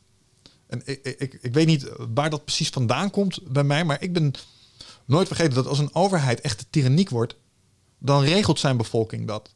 Snap je? En ik denk dat als je in de menselijke geschiedenis terugkijkt, als het echt te gek wordt, dan staat een bevolking op. Net zoals als bij een organisatie mm. Google echt te kwaadaardig wordt, dan staat de bevolking op. Hè? Net zoals mensen die nu bang zijn voor het hellende vlak van het coronapaspoort. Ja, nou dan wachten we tot de volgende verkiezingsronde. En daar gaat een partij opstaan. En die gaat zeggen, ja, maar wij zijn anders en wij willen dit niet. En dan zul je zien, dan gaat die uh, best wel wat politieke macht krijgen. En dan gaan ze daarmee uh, gaan we daarmee doen. Dat is de route die je wil in een mooie democratie en een politiek systeem. Maar als het echt te extreem wordt, ja, dan staan bevolkingen op tegen hun overheden. Ja, maar um, toen ik promoveerde, heb ik vrij veel gewerkt met überhaupt de angstcultuur. Dus er zijn een aantal sociologen en die zien dat allemaal eigenlijk in de westerse wereld er steeds meer een angstcultuur ontstaat. En mm. daarmee bedoelen ze dat je eigenlijk bang wordt om risico te nemen. Dat is ook waar nu heel veel bedrijven merken van, oeh, we zijn heel risicomijdend geworden, want we willen alles kunnen controleren. Ja. En jij en ik hebben het ook, want we vinden het super eng om ziek te worden en we willen dat eigenlijk ook niet. En we willen graag uh, bij wijze van spreken scans laten uitvoeren om maar te weten van, ik word niet ziek. Je wil dat gewoon vermijden. Dus we hebben een soort hang naar controle ergens daarover. Veiligheid. Veiligheid angst is een extreem makkelijke manier om mensen dingen te laten doen die dan vervolgens al het nieuwe normaal zijn geworden. En dan kom je er heel moeilijk uit. Mhm. Dan heb je een beetje dat kikker in die opwarmende waterpan effect. dus je hebt, ehm, als je nu kijkt naar bijvoorbeeld een corona-app idee of zo, dan zou je kunnen zeggen van als je Dat is toch niet zo erg, want we kunnen hem toch weer afschaffen en dat wordt ook steeds beloofd. Alleen zie je vaak dat als zo'n structuur er eenmaal al is, dan is het best wel handig om met een volgende golf of een volgende pandemie, die gaat echt wel komen, diezelfde structuur weer op te zetten. Eens. En wat je daar wel van krijgt, is dat soms weten we gewoon nog niet zo heel goed wat de indirecte effecten zijn. Dan heb ik het nog niet eens over privacy, daar ben ik helemaal niet zo heel erg mee bezig. Ik heb daar wel onderzoek naar gedaan, maar uiteindelijk is het veel meer als je bijvoorbeeld kijkt naar elkaar niet goed meer kunnen aankijken met mondkapjes of zo. Of um, steeds meer gaat leunen op een telefoontje, wat de hele tijd overspannen gaat piepen als er een te hete jogger langs loopt of zo. Weet je wel, waardoor je met een angstig gevoel rondloopt. Waardoor je misschien wel bangig wordt van andere mensen, terwijl je dat voorheen niet zo was. Mhm. En dat merk je nu al. Hè? Mensen komen nu weer bij elkaar staan. En dat voelt ongemakkelijk in grote groepen. Van Jezus, ik sta ineens weer met acht mensen in de lift, weet je wel. Het is er ingeslopen dat we hebben geleerd nu... andere mensen dragen rare bacillen bij zich. Dus soms, je zou denken, dan kom je in opstand... maar soms ga je razendsnel gewend raken aan iets wat het nieuwe normaal is. En dat voelt dan bijna als natuurlijk. Je kunt je niet meer voorstellen dat het cultuur is, want dat is het. Het is een beslissing genomen, het is Mhm. een keuze. We hadden de keuze en het is cultuur geworden. En dan ga je daar niet meer tegen in opstand komen, want dan voelt het normaal. Ja, oké. Maar daar zou ik dan graag tegenover willen zetten. Eh, zo mentaal lenig als we waren om die social distancing in- als norm te krijgen, denk ik dat we hem even makkelijk weer kunnen afleren. Want dat hebben we gedemonstreerd. Wij zijn in staat om snel nieuw gedrag aan te leren. En waarschijnlijk ook wel weer om af te leren daarin. Ehm, dus ja, die onwennigheid, dat snap ik. Die angst snap ik ook. Maar laten we dan een. eh, Het COVID is een mooi voorbeeld ervoor. Dus, maar er zijn andere voorbeelden Ja, waar dit we ook wel uit. Nog heel even over de COVID. Dan moet je dus wel uitkijken dat je niet alvast daarvoor in die vier bubbels, zoals ik die heb voorspeld, een beetje gechargeerd, Ja. zo erg uit elkaar gedreven bent dat je helemaal geen eenheid meer vormt. Want Nee, oké, dan kun je helemaal niet meer gezamenlijk in opstand komen. Nee, dat is waar. En ik denk dat overheden die graag hun bevolking willen beheersen, daar ook bij gebaat zijn. Maar er zijn maatregelen. Neem bijvoorbeeld de avondklok. Daar won de overheid een stukje vertrouwen terug. Kan een move zijn geweest, weet ik niet. Maar zodra het kon, haalden ze hem eraf. Weet je wel, dans met Jans, ga alsjeblieft weer bij elkaar. We willen ook graag dat die lockdown voorbij is. Maar stel je nou toch eens voor, een jaar in de toekomst. En Ja. die avondklok was er nog steeds geweest. Terwijl de druk op de, over, op de zorg was er al. Dan ben ik als individu, ja, dan word ik eigenwijs. Dan ga ik me er niet meer aan, eh, aan houden. En ik Nee. weet dat er initiatieven in het land zijn die voor mensen die nu de avondklok al onzin vonden, is gewoon burgerlijke ongehoorzaamheid, die organiseert zichzelf. Ja. Ja, boetes die je daarvoor krijgt, betalen we onderling met elkaar. Het is een vorm van mild protest. Eh, en als de overheid dan eh, nog een stetje steviger gaat, ja, maar dan gaan die mensen ook een zetje steviger terugtukken. En ik denk dat een, dat een bevolking het uiteindelijk altijd wint.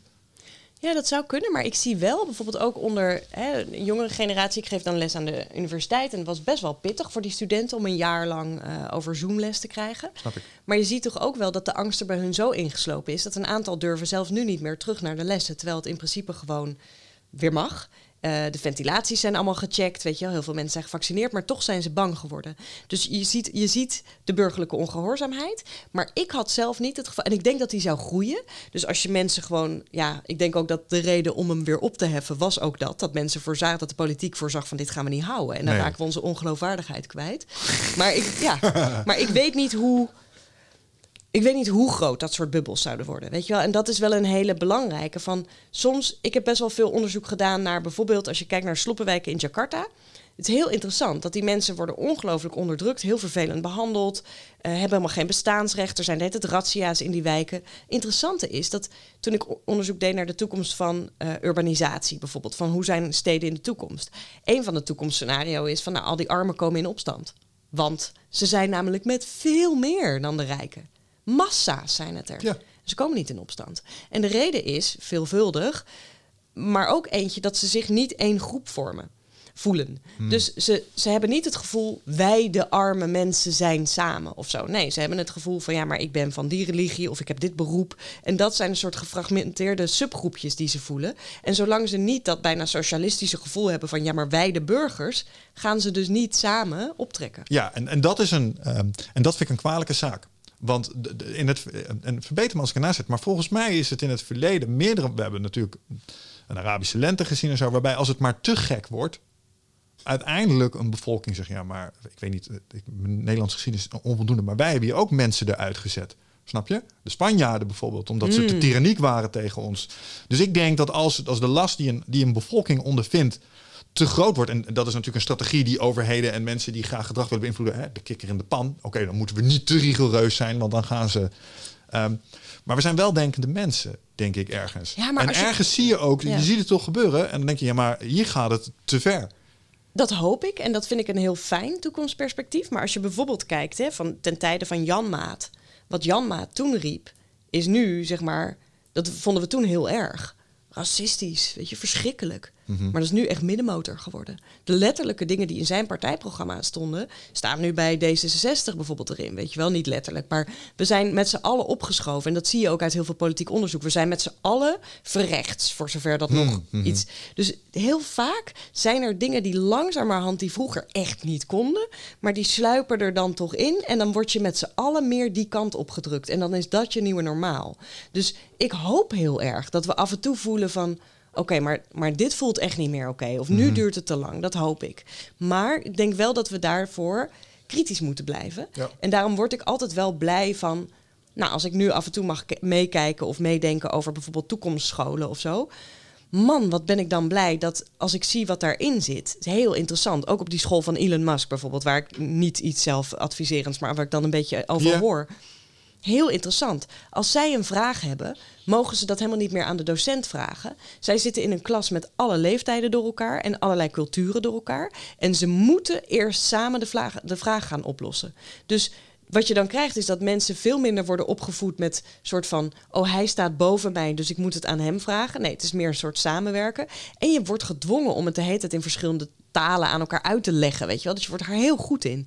Ja, daar word ik wel gelukkig van. Ja, want ik denk dat dat soort structuren uiteindelijk. ehm, kijk, je moet niet vergeten, eh, de, de dingen waar we niet tegenaan lopen zijn ook maar oplossingen geweest voor problemen. Hè? Een overheid is een oplossing voor een probleem. Namelijk, hoe zorg je dat een grote groep mensen enige mate van welvaart eh, kan stabiliseren met allerlei veiligheid die je wil. En democratie is, is, is het beste van alle kwaden, zeg Ja, maar. niet hè? vergeten waarom landen zijn ontstaan. Hè? Om gezamenlijk zeg maar, niet overvallen te worden door andere gasten die shit kwamen halen. Snap je? Ja. Ehm, eh, beveiliging van het leger. Dat soort dingen waren prettig. En daarom ging je in groepjes samen zitten. En daar, daar zijn die structuren uit voortgekomen. Maar naarmate we een nieuw technologisch niveau behalen, eh, de welvaart beter verdeeld wordt. Want dat zijn ook van die dingen. Iedereen heeft altijd, ja, het is ongelijk. Ja, maar tegelijkertijd, de welvaart is mondiaal nog nooit zo hoog geweest voor een boel mensen. Sterftecijfers kelderen overal. eh, overal. Dus het gaat ergens ook wel heel erg goed.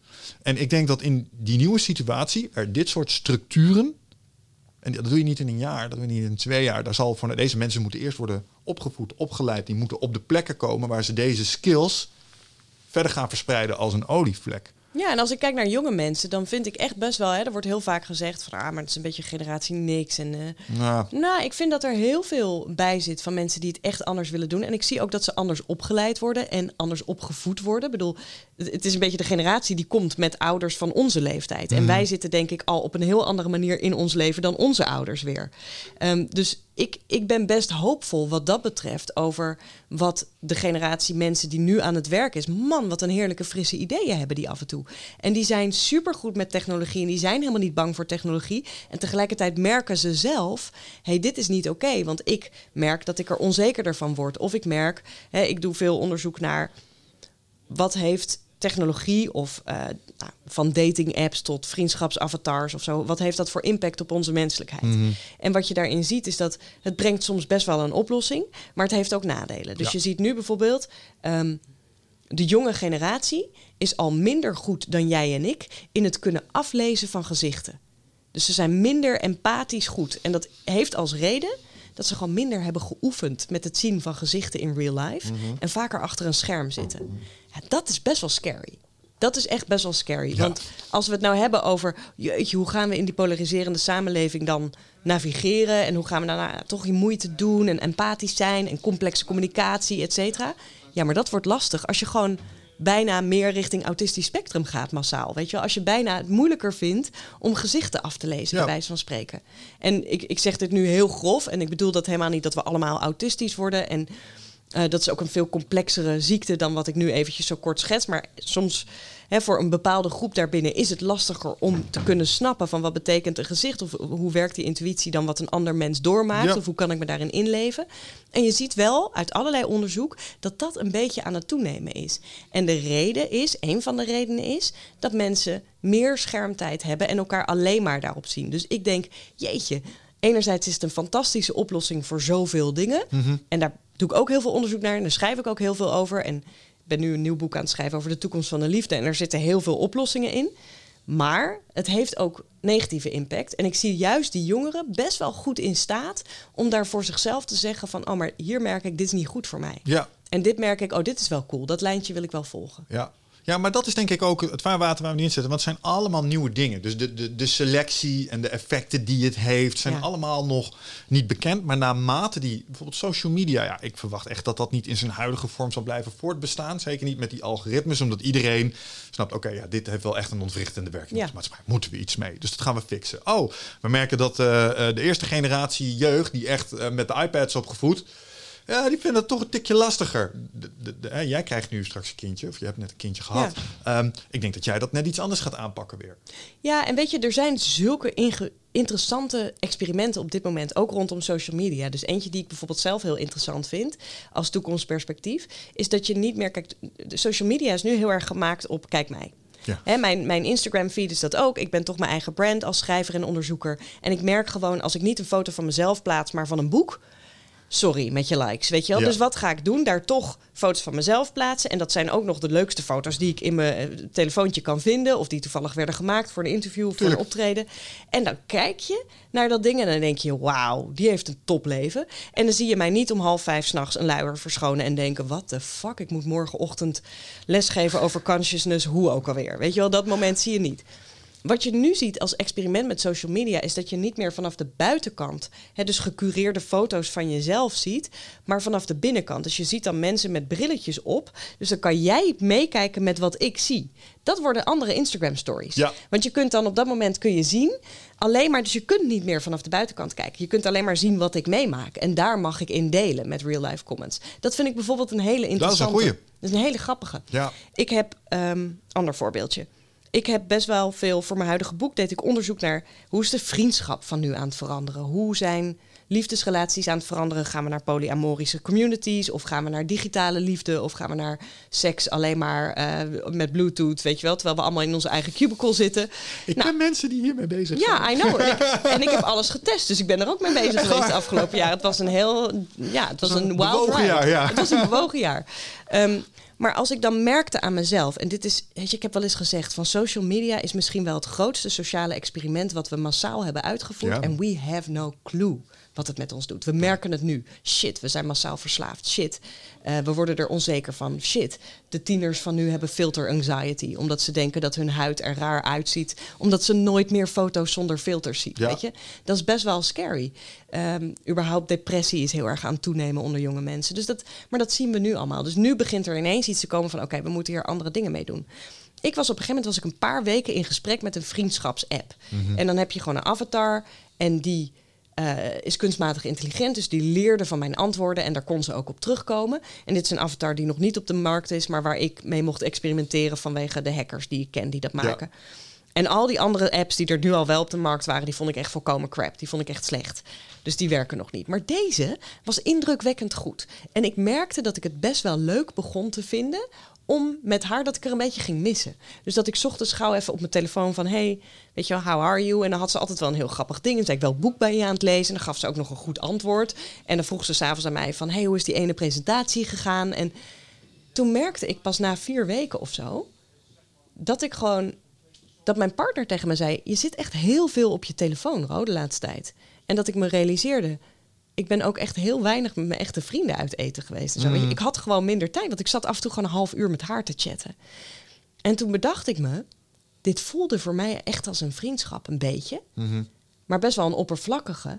Want zij heeft geen gevoel terug voor mij. Dus weet je wel, waar een echte vriendje op een gegeven moment gaat spiegelen. Waar een echte vriend misschien wel tegen mij had gezegd... hé, hey, allemaal leuk, maar je had toch gezegd dat je minder met je telefoon bezig wilde zijn? Je zit best wel veel op je telefoon. Ja. Zij zei alleen maar wat ik wilde horen. Nee, sure. En dat deed me denken aan... We krijgen alleen maar het nieuws in onze feed wat we al gelezen hebben. We krijgen alleen maar de advertenties van dingen die we al gekocht hebben. Van een brand wat we al leuk vinden. En zij gaf me alleen maar de antwoorden die ik prettig vond. Dus wat doet mij? Wat doet dat met mij als mens? Het maakt me waarschijnlijk best wel een ego-trippend mens. Want ik krijg alleen maar bevestiging. Alleen maar bevestiging. Dus het heeft iets heel leuks, al die technologie. En ik vind het ook spannend, want ik denk wel dat voor de echte heel eenzame mensen, die sowieso al geen vrienden kunnen maken, die echt alleen wonen ergens, is het misschien best wel heel fijn. Dat. En niet vergeten, dit is versie 1. Er Ja. komt straks een versie 2. En dan zitten de advertenties bij in. En dan komen we erachter dat werkt ook niet. En dan komt er een versie 3. En de uiteindelijke versie is, en dan kom ik toch weer op Star Trek. Dan kom je bij Data. Weet je wie Data is? Ja. Heb je genoeg Star Trek gezien? ja, ja, is, een, is, Een een, is een AI, heeft geen gevoel. Zijn grootste wens, hij is Pinocchio, hij wil mens worden. Ja. Ik zou vrienden kunnen zijn met Data. Snap je? Ja. Gewoon puur en alleen op, eh, op basis van wat ik in die serie heb gezien. Maar zeg maar, een, een, je ziet in die serie ook mensen vriendschappen, afhankelijkheid een missen als hij er niet is. Droevig zijn als ze denken dat hij dood is. Dus wij hebben als mensen wel een vermogen om ons, eh, en dat is heel interessant, te binden aan zoiets. Absoluut. Ik maak altijd een grap, ook nu in mijn lezingen. En, en ook wel in mijn boek vertel ik daarover. Dat is heel interessant. We zijn nu, die discussie gaat nu heel erg over... wat kan de AI van de toekomst? Gaan ze de wereld overnemen? Wat kan het algoritme? Maar wat je veel meer ziet, is dat weet je, die robots zijn niet zo eng. Wat wij voor de robots gaan voelen en voor de AI's, dat is veel spannender, denk ik. Want ik merkte Ja. zelf al, en ik noem dit voorbeeld graag omdat het gewoon een grappig voorbeeld is. Ik kocht op een gegeven moment een robotstofzuiger. Ja. En dat ding, dat was dan kunstmatig intelligent en dat zou, mer dat zou leren waar de meubeltjes in mijn huis staan. Dan gaat hij, dan gaat hij heel efficiënt werken. Deed hij helemaal niet. Hij was echt stupid as fuck. Dus hij bleef de hele tijd tegen dezelfde tafel bouncen. En mijn lief werd er natuurlijk gek van, want we hadden de hele tijd dat ding. Hij, hij deed niks goed voor ons huishouden. Ehm, op een gegeven moment heb ik hem dus een soort van in een hoekje gezet. En daar voelde ik me dus, komt hij, is heel schuldig over. Zielig. Zielig. Dus elke keer als ik hem zag, ging ik een beetje zo de andere kant op kijken. Of ik heb zelfs een keertje tegen hem gezegd van, nou, lekker vrij dagje, hè? Want we hadden inmiddels gewoon een andere stofzuiger. Vond ik een beetje raar van mezelf. Ging ik onderzoek doen. Wat bleek? Er zijn gezinnen die hun robotstofzuiger, want al die dingen werken namelijk heel slecht, Ja. hebben begraven. Ah. Omdat de kinderen er heel erg aan gehecht waren. Ja, ja. Dat Heel veel mensen van robotstofzuigers hebben hem een naam gegeven. is het eerste wat ik zou doen. We vinden hem allemaal een soort schattig huisdiertje. En ze hebben in Amerika een heel grappig market-gerelateerd onderzoek gedaan... waaruit bleek dat er waren heel veel klachten over die robotstofzuigers. Want ik zei al, ze doen het gewoon nog niet zo goed als beloofd wordt. En heel veel mensen gingen dan klachten insturen. En dan zei het bedrijf, stuur hem maar in, dan krijg je een nieuwe. En ze merkten dat dat niet gebeurde. En toen bleek, op het moment dat ze zeiden, stuur hem maar in... dan krijg je dezelfde terug, maar we gaan hem repareren... deed iedereen het massaal. Dus ze wilden hun eigen robot niet kwijt. Dat is wat mensen doen. En dat is nog een ding wat er niet eens uitziet als een echt mens of zo. Want ik heb ook wel bijvoorbeeld een sekspop gehuurd op een gegeven moment. Nou, die ziet er echt uit als een Madame Tussauds-achtige echt persoon. Mhm. Dus stel dat je dat soort companion robots op een gegeven moment hebt... dan wordt het veel spannender. Ja, daar is wel een ding bij alleen als het gaat om mensen. Ehm, ze moeten echt de uncanny valley uit zijn. En de uncanny valley is dat als jij zo'n madame, zo'n animatronic pop ziet, zeg maar, Ja. en die beweegt. Sommigen zien er bij Disneyland bijvoorbeeld heel echt uit, maar er zit net iets in waar je ziet, dit is een pop. Ja. Dat is de uncanny Dat is valley. heel eng, ja. En zo'n robot heeft als voorbeeld, het is geen mens, het ambieert geen mens te zijn, dus is die projectie Ja. makkelijker. Maar zo'n pop vind je al snel een beetje creepy als hij het net niet is. Tenminste, ik kan niet uit persoonlijke ervaring spreken. Misschien is dat iets wat je herkent. Nou ja, zeker. Ik, ik was van tevoren was ik heel erg ermee zo van... Ah, dit is gewoon grappig. Weet je, ik ga dat gewoon uittesten. Want er zijn nou eenmaal steeds meer mensen die zo'n pop hebben. Er Ja. zijn zelfs mensen die ermee trouwen. Er zijn mensen. Hè? En het zijn niet alleen, want ik ben in zo'n bordeel geweest. waarvan wordt gezegd van nou, die poppen die gaan misschien wel de toekomst van sekswerk zijn. Hè, want die gaan de sekswerkers overnemen. Nou, oké, interessant. Ehm, ik werk ook vrij veel met sekswerkers. Ik denk dan altijd, nou, en wie heeft de sekswerkers gevraagd wat die dan moeten gaan doen? Zijn die er nou zo blij mee? Maar oké, dat is weer een ander toekomstperspectief. Ik wilde dat weten. Dus dan loop je in zo'n bordeel rond. Daar lopen niet alleen maar zielige mannetjes. Daar lopen ook gewoon heel veel nieuwsgierige mensen. Of mensen die er super knap uitzien, maar die misschien wel een beetje verlegen zijn. Of mensen die denken, nou, ik wil dat wel eens oefenen. Eerst met een pop, voordat ik dat... Ha, dat zit er ook allemaal tussen. Make dus, maar ik dacht van tevoren van, nou, het gaat gewoon voelen als een soort uit de kluwen gegroeide sextoy of zo. Kan ik wel hebben. Ik vond het doodeng. Ja. Dus ik zag gewoon een, een soort dood mens liggen op een bed. Weet je wel, starfish pose. En Ja. daar, daar moest ik dan opklauteren. Dat ik alleen maar voelde... Hell no. Dus ik ben het helemaal met je eens. Er moet nog wel een en ander veranderen. Maar ik heb bijvoorbeeld ook iemand gesproken die zelf asexueel is. En zij heeft zo'n pop. En zij zei: Ik wil er ook helemaal geen seks mee. Maar het geeft mij wel, zeker in de lockdownperiode, een heel rustgevend gevoel juist. Dus zij vond het heel fijn om haar haar te kammen van de pop. Of om haar aan te kleden. Of had er een fotografieproject mee. En zij vond het fijn om af en toe de hand van de pop op haar te leggen Omdat ze dan toch een soort van menselijke aanwezigheid voelde. Of een druk van een, een lichaamsgewicht van een ander iets. En dat zijn wel interessante ontwikkelingen. Dus soms, en dat leer ik ook altijd aan mijn studenten. gaan toekomst. Hè, is het handig om door te denken van oké, maar stel dat ze komen. Wat zou het indirecte effect zijn van niet alleen maar de mensen die er seks mee willen of zo, maar ook mensen die zich gewoon eenzaam voelen, die het misschien wel prettig vinden om iets van een aanwezigheid in hun, in leven te voelen. Ehm, en, en wat gaan we dan doen? Gaan we dan minder, net zoals ik met die vriendschapsapp, die maakte dat ik zoveel tijd kwijt was aan de avatar, dat ik minder tijd besteedde aan mijn vrienden. Ja. En die zag ik niet aankomen van tevoren. Maar die gaat wel impact hebben op de maatschappij. Ja, en daarvoor zal hetzelfde gelden als we nu met social media constateren. Dat zal waarschijnlijk... Zodra, kijk, ik heb de Boston Robotics robots ook gezien. Eh, Die, als je- die, als je die, ho- die honden en die zo. honden en die dingen die eh, zeg maar best wel acrobatisch al over banen Ja. heen kunnen, maar ook bloepers maken en Ja. dat soort dingen. Ja. Nou, Oké, geef dat nog eh, 20 jaar en maak de toepassing niet militair, maar sociaal. En gooi daar je beste AI, die, waar jij mee aan het chatten was overheen, met fijne licha- gezichtsmimiek. Ja, Daar kon nog wel eens heel verwarrend worden. Absoluut. Dus daar heb ik mijn boek over geschreven. Want de toekomst Ja. van liefde klinkt heel mooi. Maar het gaat heel erg over dit soort discussies. Van hoe kun je dat ethisch... Hè, wat, grappig genoeg met die, met die poppen... is bijvoorbeeld de discussie ook van... oké, maar als je die poppen altijd heel welwillend maakt... dus als je er alleen maar... je hebt nu een paar van die poppen die kunnen dan ook praten...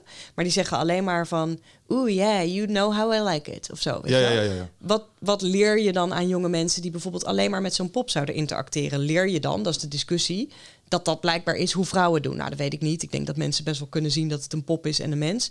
Maar dan zijn er weer ethische eh, tech mensen in de discussie. En ik word er ook wel eens voor gevraagd van... moet je dan zo'n pop leren nee zeggen af en toe? Of moet je dan zeggen dat leren aan zo'n pop dat ze zegt... ja, nee, vanavond niet, ik heb hoofdpijn. Ligt aan, ligt aan het perspectief waarom je het doet. Als het is om eh, de gebruiker van het, want we hebben het hier nog steeds over een voorwerp. Absoluut. Uh, als je de gebruiker van het voorwerp eh, wil voorkomen voor psychopathische conditionering, namelijk ik krijg altijd gelijk, altijd, ik hoor altijd ja. Ehm, en als je dan eens een keer in interactie staat met iemand die nee zegt, dat je daar eigenlijk een soort van kortsluiting van krijgt. Ja. Wat een legitiem risico is. Zeg ik ja, dan moet je dat er zeker in programmeren. Ehm, wat ik nog interessanter zou vinden is, zou je het moeten eh, nee willen laten zeggen, omdat het uiteindelijk ook iets is.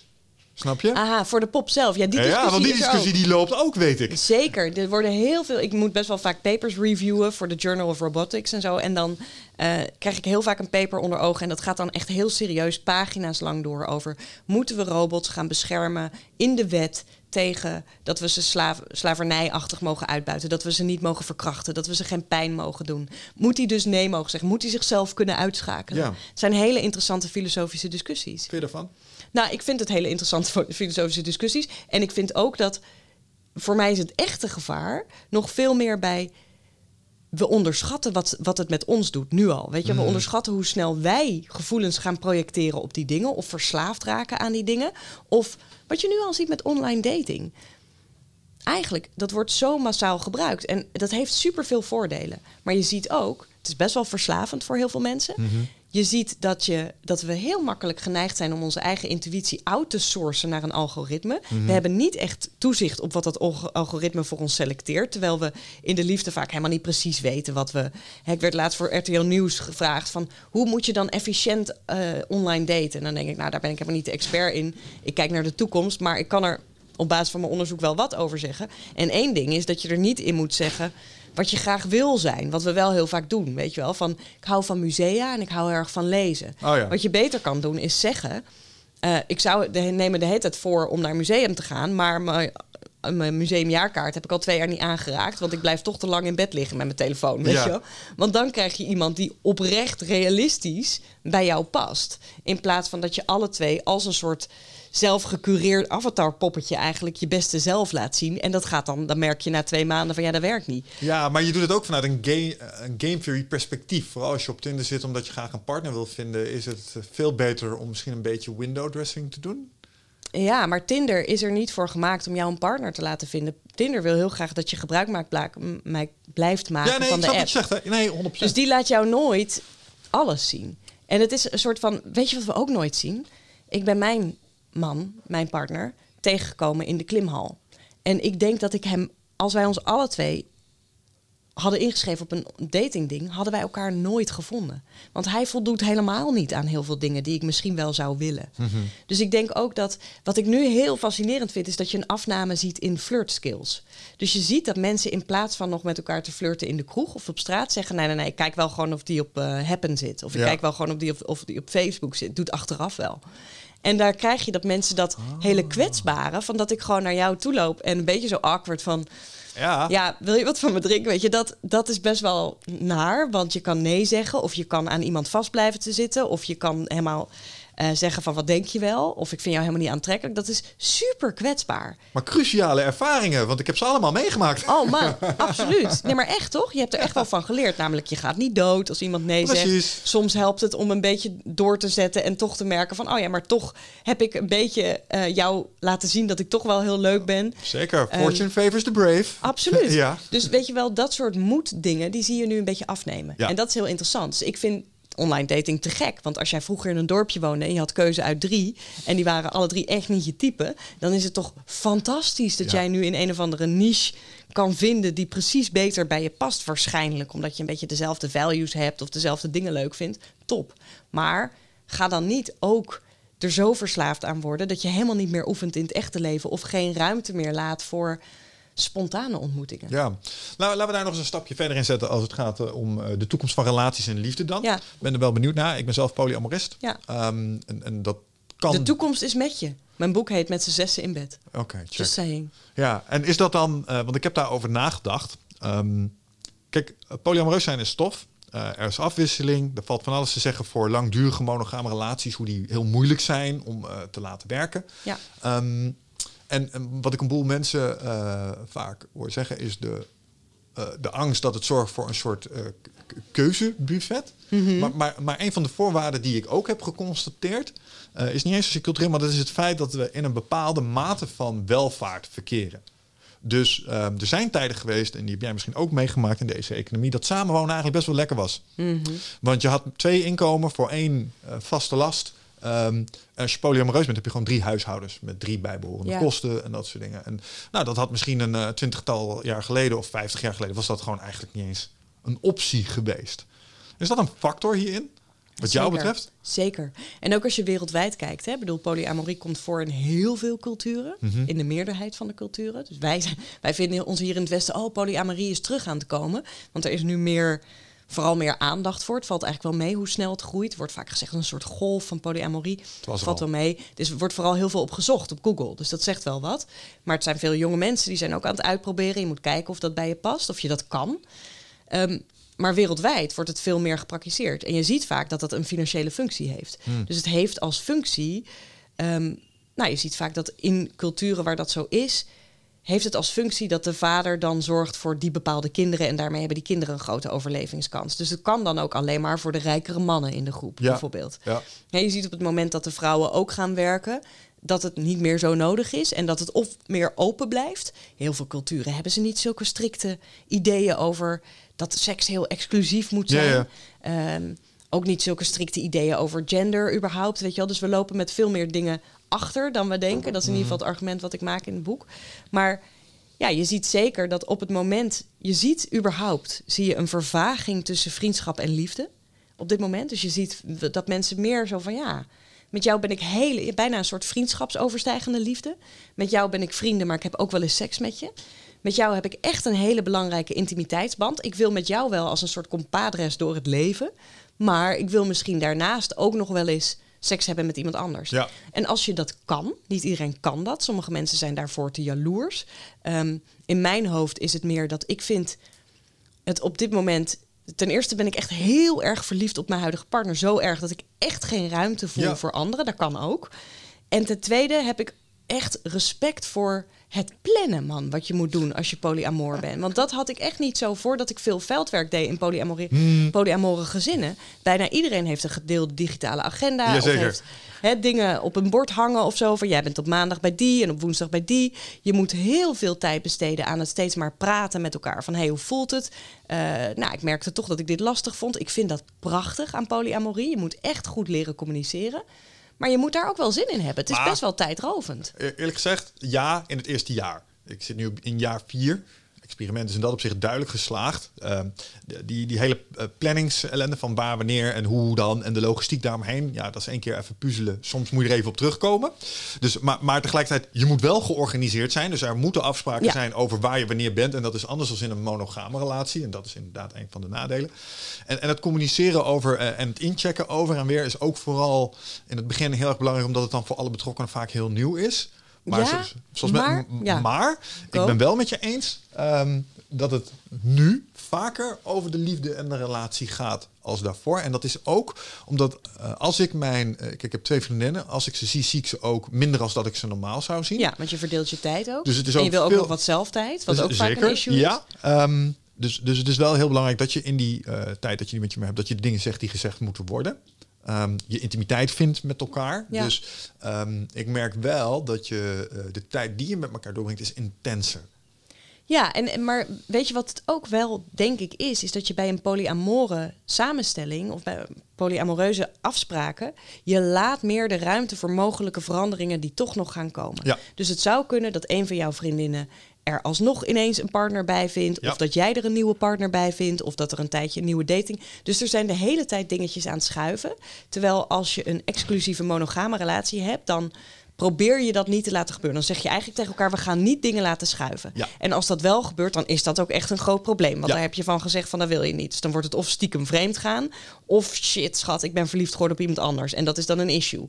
Maar bij een polyamore samenstelling maak je de ruimte voor crisis wat groter. Dus het zou kunnen dat er dingen veranderen. En daarom moet je blijvend, moet je steeds weer een beetje zoeken naar. En het gaat dan niet zozeer. Ik sprak laatst met een therapeut die, die, die zelf hierin gespecialiseerd is. En zij zei het wel mooi van. Het gaat niet over het feit dat er steeds deukjes in komen. Want dat gebeurt in alle relaties.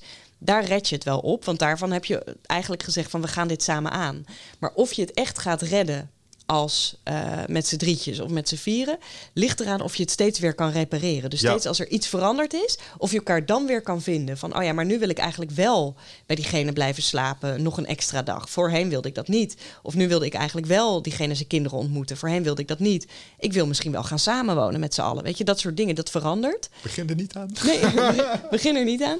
Maar stel dat die wens ontstaat, ja, dan moet je daar steeds weer. En als je dat kan, top. Maar heel veel stellen, quadruples, uh, triples gaan daarop stuk lopen. Omdat het ineens dan niet meer werkt. Ja, en ik heb, ik heb dat zelf ook gezien um, van de zijlijn. En dat, dat is dan vaak op het moment dat... Um, kijk, voor, voor de meeste jongens is het voordeel van polyamorie... je mag, je mag ineens zonder repercussies... Uh, kan je in principe gewoon het veld in en alles is oké. En dat is je mag anderen aantrekkelijk vinden ja, en, dat, seksueel oh, vinden. Ja. Wauw, en dan mag je dan nog op jagen ook, weet je wel? Als je het zo mag uitdrukken Voor heel veel vrouwen ook een voordeel, hoor. Ja, oh, nee, dat, dat zou, maar ik ben man, dus ik benader het even vanuit mijn perspectief.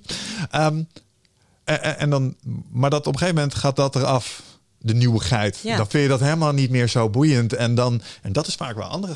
Ik heb dat niet, want ik, ik ben hartstikke gek met mij en ik zou niet anders willen. Maar daar zie je dan voor sommige jongens als toch misschien wel een klein beetje te veel hoofdpijn voor de voordelen die dat stukje met zich meebrengen. Ja, er is ook niet zoveel onderzoek. Er is vrij veel onderzoek naar dat het groeit. Maar je ziet nog niet, hè, in de westerse wereld dan, uh, een beetje.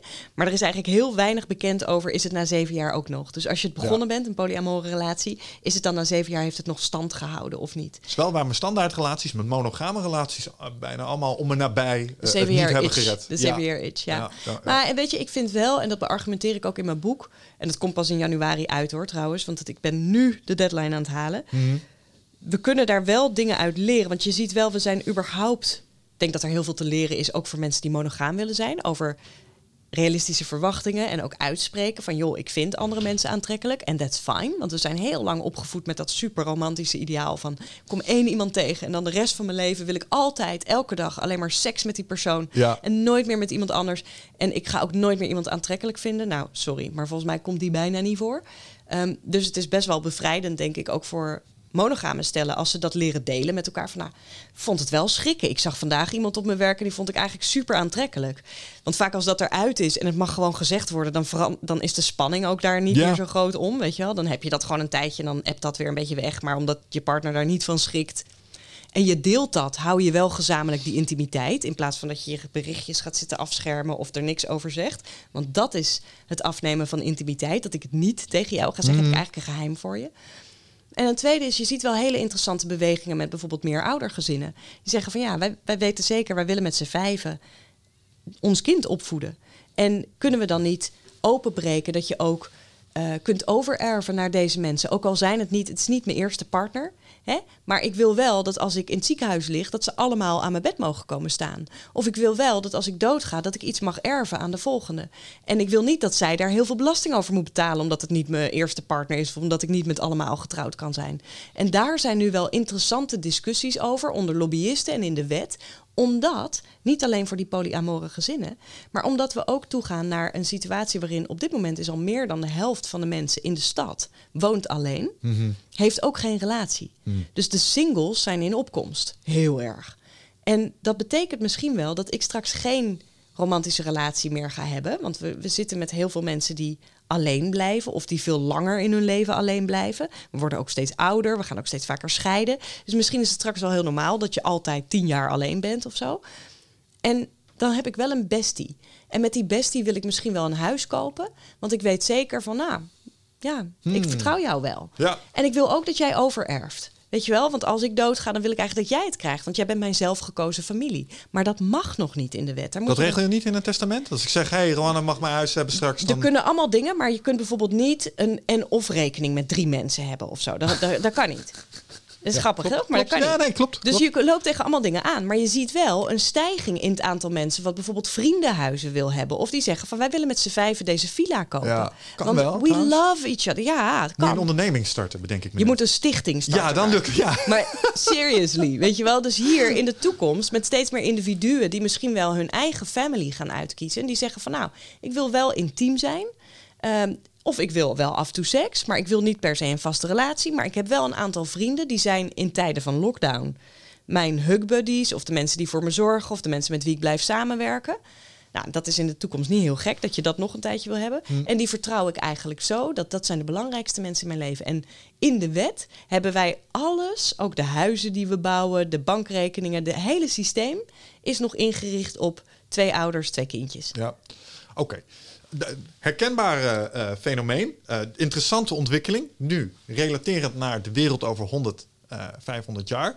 Wat vind je van deze ontwikkeling? Omdat ik kan me nog de promo, de, de, propaganda uit de Verenigde Staten herinneren. De Atomic Family Unit. Fabric of the Moral Fiber of Society, weet je wel. Ja. Um, er valt iets te zeggen voor samen zijn. Ik ken ook gewoon de klassieke gezin. Papa, mama, zusje. Uh, voelt prettig. Voelt alsof het ook wel op die manier verder moet, want zo, zo hoort het nou eenmaal. Um, maar wat je zojuist omschrijft, is daar echt een. Uh, dat scheidt zich daarvan af. Is dit gunstig? Nou, ik denk, eh, als je kijkt naar bijvoorbeeld hoe we hier kinderen opvoeden, dan lijkt het alsof we dat altijd zo hebben gedaan vanuit dat familietje. Maar je ziet ook wel dat er op dit moment heel veel problemen zijn. Weet je, je ziet dat bijvoorbeeld heel veel jonge moeders, nou, ik ben er net zelf een, dus ik heb er vrij veel over gelezen en, en meegekregen in mijn omgeving, voelen zich totaal sociaal geïsoleerd vaak. Omdat ze het in hun eentje moeten doen. Je krijgt een aantal maanden krijg je verlof en dan moet je dat doen. Terwijl in andere culturen had je een heel dorp, weet je wel, die kinderen die, die hummelen er zo'n beetje in het midden. Je ziet al hoe dat moet, van het baringsproces tot het af en toe oppakken van zo'n kind. Iedereen doet dat een beetje samen. Mhm. Dus wat dat betreft denk ik, nou, het nadenken over iets meer in woongroepgemeenschap.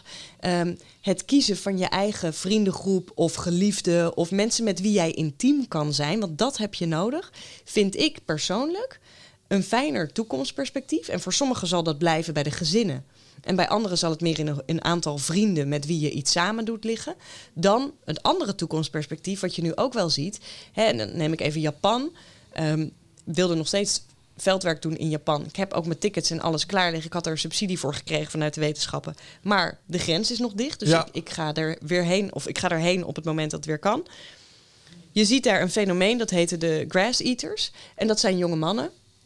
En die hebben een virtuele vriendin. Ja. En die willen ook geen echte liefdesrelaties. En die zeggen, ik heb genoeg aan af en toe gewoon even chatten of een beetje porno kijken en that's it. En ik hoef verder niet. En ik woon in een soort cubicle en ik werk 80 uur in de week. Grappig genoeg zie je iets vergelijkbaars in Silicon Valley. Dus je ziet daar niet zozeer met virtuele avatars, maar wel dat je jonge mannen hebt die 80 uur per week werken en één keer in de week naar een sekswerker gaan. Ja. En dat is hun intimiteit. Die vind ik persoonlijk scarier dan dat we gaan zoeken naar, kunnen we misschien ook met, hè, en voor de, voor de een zal dat zijn, we halen mijn ouders in een huisje erachter, zodat die wat meer kunnen oppassen en dat wij wat vrijer zijn. Voor anderen is het, we kopen met z'n zessen een huis. Voor weer anderen is het een polyamore gemeenschap. Zolang er maar wordt gekeken naar wat willen we samen doen en krijgt iedereen de intimiteit die die nodig heeft Mhm. en zorgen we voor elkaar. Dat vind ik veel menselijker klinken, passend bij de echte menselijke natuur, dan in je eentje in een cubicle en met ja, een avatar een beetje zitten chatten of je daarop afrukken. Ja, wel? Die zie ik niet helemaal. Dan, dan nog maar, eh, zeg maar, als je nadenkt over generaties, eh, de, eh, als dit gemeengoed wordt, de impact die dat zal hebben op geboortecijfers en dergelijke. In, in het eerste scenario wat je omschrijft, is een ehm, vruchtbare, pun intended, eh, omgeving om kinderen eh, Ja. in groot te brengen. Daar is liefde, daar is genegenheid, daar is aandacht. Ja. Eh, is een beetje terug naar de roots, daar geloof ik ook wel in. Hè? Als je kijkt naar onze evolutionaire psychologie. Ja, sommige dingen zijn we gewoon voor ontwikkeld. Deden we heel veel zo. Misschien iets meer gebruik van maken. Dus dat, dat klinkt daarin Zeker. door. En zeker in die hè, bekende groepen van 100, 150 Ja. mensen en zo, dat zie ik allemaal wel. Ja. Ja, daar geloof ik ook wel in. En wat, wat, ik, een, ja, wat ik verontrustend vind aan deze ontwikkeling is... volgens mij is dit een recept voor psychopathie ook ergens. Nou, het interessante is, ik heb een, ehm, ook wel onderzoek gedaan naar de groep bewuste singles. Hè. Dus die is ook heel erg aan het groeien. Dus mensen die zeggen, nou, ik gedij gewoon niet in een relatie. Ik wil eigenlijk überhaupt niet echt een relatie. Ehm, ik vind het prima om af en toe een los seksueel contact te hebben. Oké. That's fine. Nou, voor heel veel mensen dat kan. Hè? Dat het gewoon echt bij je past. Dat je gewoon niet behoefte hebt om een heel leven met één persoon te zijn. Of Ja. langere periode met één persoon te zijn. Maar interessant is dat er in die groep wel een hele grote groep stadsgenoten zit.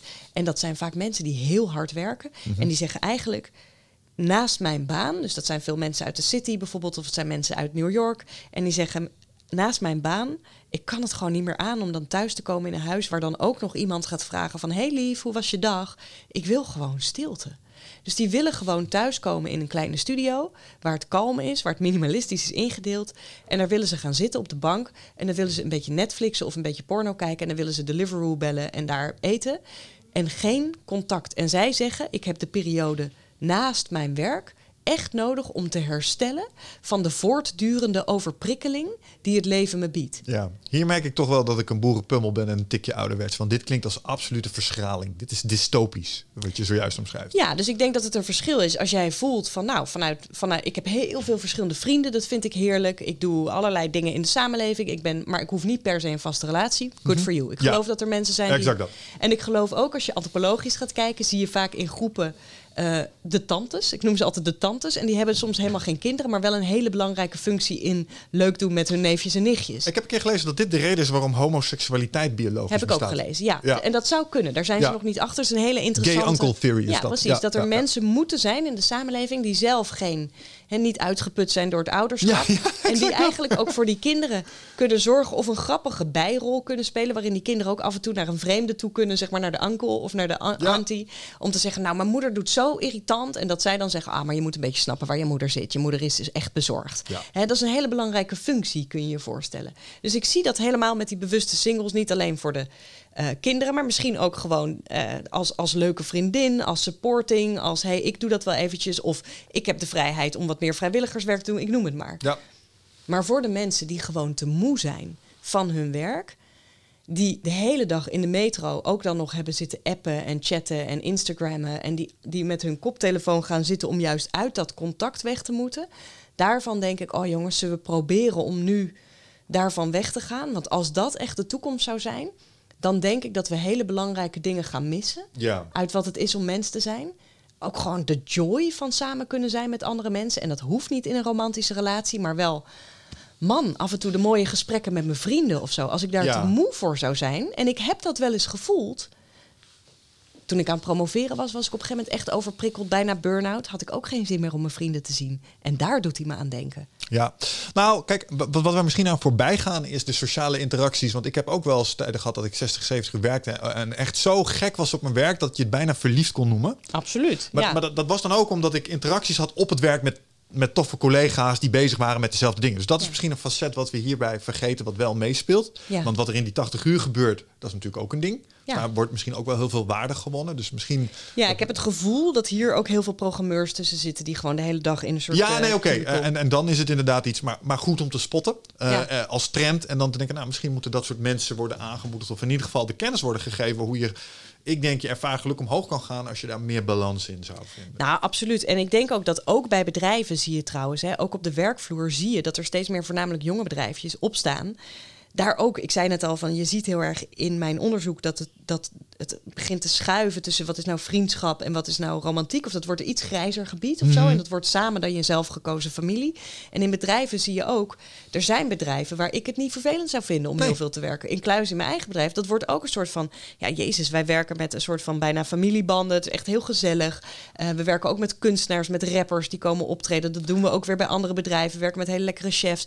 Dus je, je kunt steeds meer gaan vormgeven hoe je wilt werken, hoe je wilt liefhebben, hoe je wilt wonen. En dat is helemaal geweldig, denk ik. Ik wou net zeggen, dat is toch ook wel een ongekende luxe als je dan even weer hoopvol naar de toekomst wil kijken. De vrijheid die je hebt in het, in het inkleden van je eigen werk um, is nog nooit zo hoog geweest, denk nee. ik. En dat is echt wel heel bijzonder. Want jeetje, we vergeten wel eens. Kijk, er zaten heel veel. Hè, de, de angst dat we nu met z'n allen geen vast contract hebben. Dat is best wel scary voor veel mensen. En het is ook echt vervelend. Want daardoor kan je geen huis meer kopen. Hmm. En daardoor Tegelijkertijd, heel veel mensen zaten natuurlijk vast in een baan die absoluut kloten was. Ging je weer naar de fabriek, weet je wel, voor de zoveelste keer. Je kon daar niet van zeggen van, hé hey baas, weet je, ik merk, ik ben gewoon niet zo'n morning person. Of ik ben even in een periode dat ik twee kleuters weg te brengen heb. Vind je het oké als ik drie dagen in de week uh, wat meer hybride doe? Of vind je het fijn dat, ik, dat ik twee uur later start, maar dan werk ik ook wel twee uur later door? Dat kon echt niet. En dat kan nu heel vaak wel. En dat is echt een hele fijne verschuiving. Ik stelde mij dit gesprek voor met de voorman die ik kende vanuit Stegenman Vlees vleesverwerkende industrie. Toen ik daar een baantje deed, als ik dit gesprek met hem had geprobeerd, dan had hij me neergeslagen met een leverworst waarschijnlijk. Um, ja, of gezegd, nou uh, doe je, dit was je contract. Ja, succes ermee. Ja, precies, precies. Nee, absoluut. Ga niet werken. Oké, ja, dus, dus daar uh, heb je, als het gaat om uh, um, je eigen leven inrichten, life crafting, zeker in het Westen, heb je ja, daar... het is natuurlijk een beetje elitair, maar je kunt er wel echt een eigen feestje van maken. Ja, ja check, snap ik. Um, alright, dan heb ik eigenlijk um, hebben een heleboel vette dingen besproken. Uh, ik heb het gevoel dat we zo nog twee uur zouden kunnen kletsen. Maar ik moet ook een heel klein beetje... Arme tijd, luisteraars. Uh, arme luisteraars. um, maar eigenlijk heb ik de, uh, de vraag die we aan het begin hebben gesteld... heb ik voor mijn gevoel hebben we nog niet helemaal beantwoord. Dus ik zei, cut to the chase. Gaat het goed komen met, met de mensheid? En de, de, de laatste vraag waar ik met jou stil bij zou willen staan... gelet op alles wat we hebben besproken vandaag... 500 jaar in de toekomst. Of twee, ge twee generaties ja. in de toekomst. Dus um, en, en waarom twee generaties? Omdat dat men een beeld geeft hoe jij aankijkt tegen de economische, klimatologische en sociale ontwikkelingen op middenkorte termijn. Zeg maar. maar wat zijn dan de meest hoopgevende ontwikkelingen? En uh, laten we daar eens beginnen. Ja, nou, ik vind één om, ik vind één hoopgevende ontwikkeling dat je nu wel echt ziet dat er een soort verhaal aan het kantelen is. Dus je hebt vanuit een, een verlichtingsperiode en ook wel na-oorlogse periode, was het vooral na-oorlogsperiode, laten we het een beetje dichter bij huis houden. was het verhaal, we moeten gewoon bouwen. We moeten mhm. gewoon heropbouwen en we moeten stevig worden. En dat is ook hartstikke goed geweest voor heel veel mensen. Weet je, we zijn echt best wel massaal uit de armoede gekomen.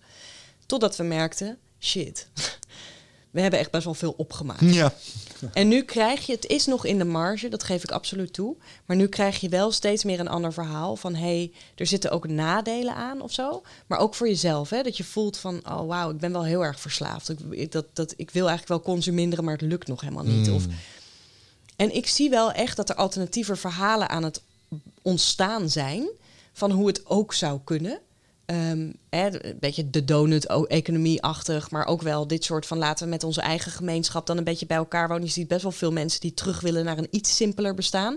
Niet zozeer vanuit idealisme, maar ook omdat ze zichzelf daar beter bij voelen. Omdat mhm. ik toch denk dat het diep verankerd is in de mens om wel de nieuwe innovaties mee te plukken. Want ik bedoel, laat dat duidelijk zijn. Er wordt altijd heel spastisch gedaan over hoe technologie is nieuw en eng. Maar het is niet onnatuurlijk of zo. Weet je wel? De mens heeft altijd tools gemaakt en gebruikt. Alleen toen waren ze nog niet algoritmes, maar een stok en een steen. Weet je wel? En je ziet apen ook met stokken en steen. Dus ik vind dat ook een heel goed ding. Uh, dus ik zie een paar dingen. Dus dat verhaal is aan het kantelen. En ik denk dat dat belangrijk is. Want als die verhalen niet kantelen waar we naartoe willen, dan blijf je met dat gevoel zitten. Zo van ja.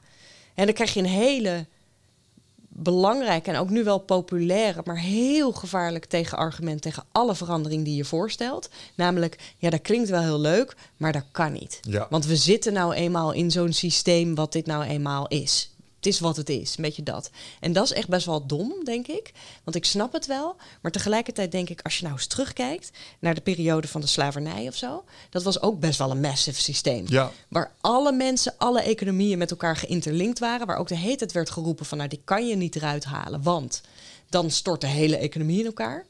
En uh, dan komt de, de rijke elite in opstand en zo. En toch, binnen 100 jaar is dat van een systeem gegaan wat gewoon de hele wereld bezat, naar het is verboden.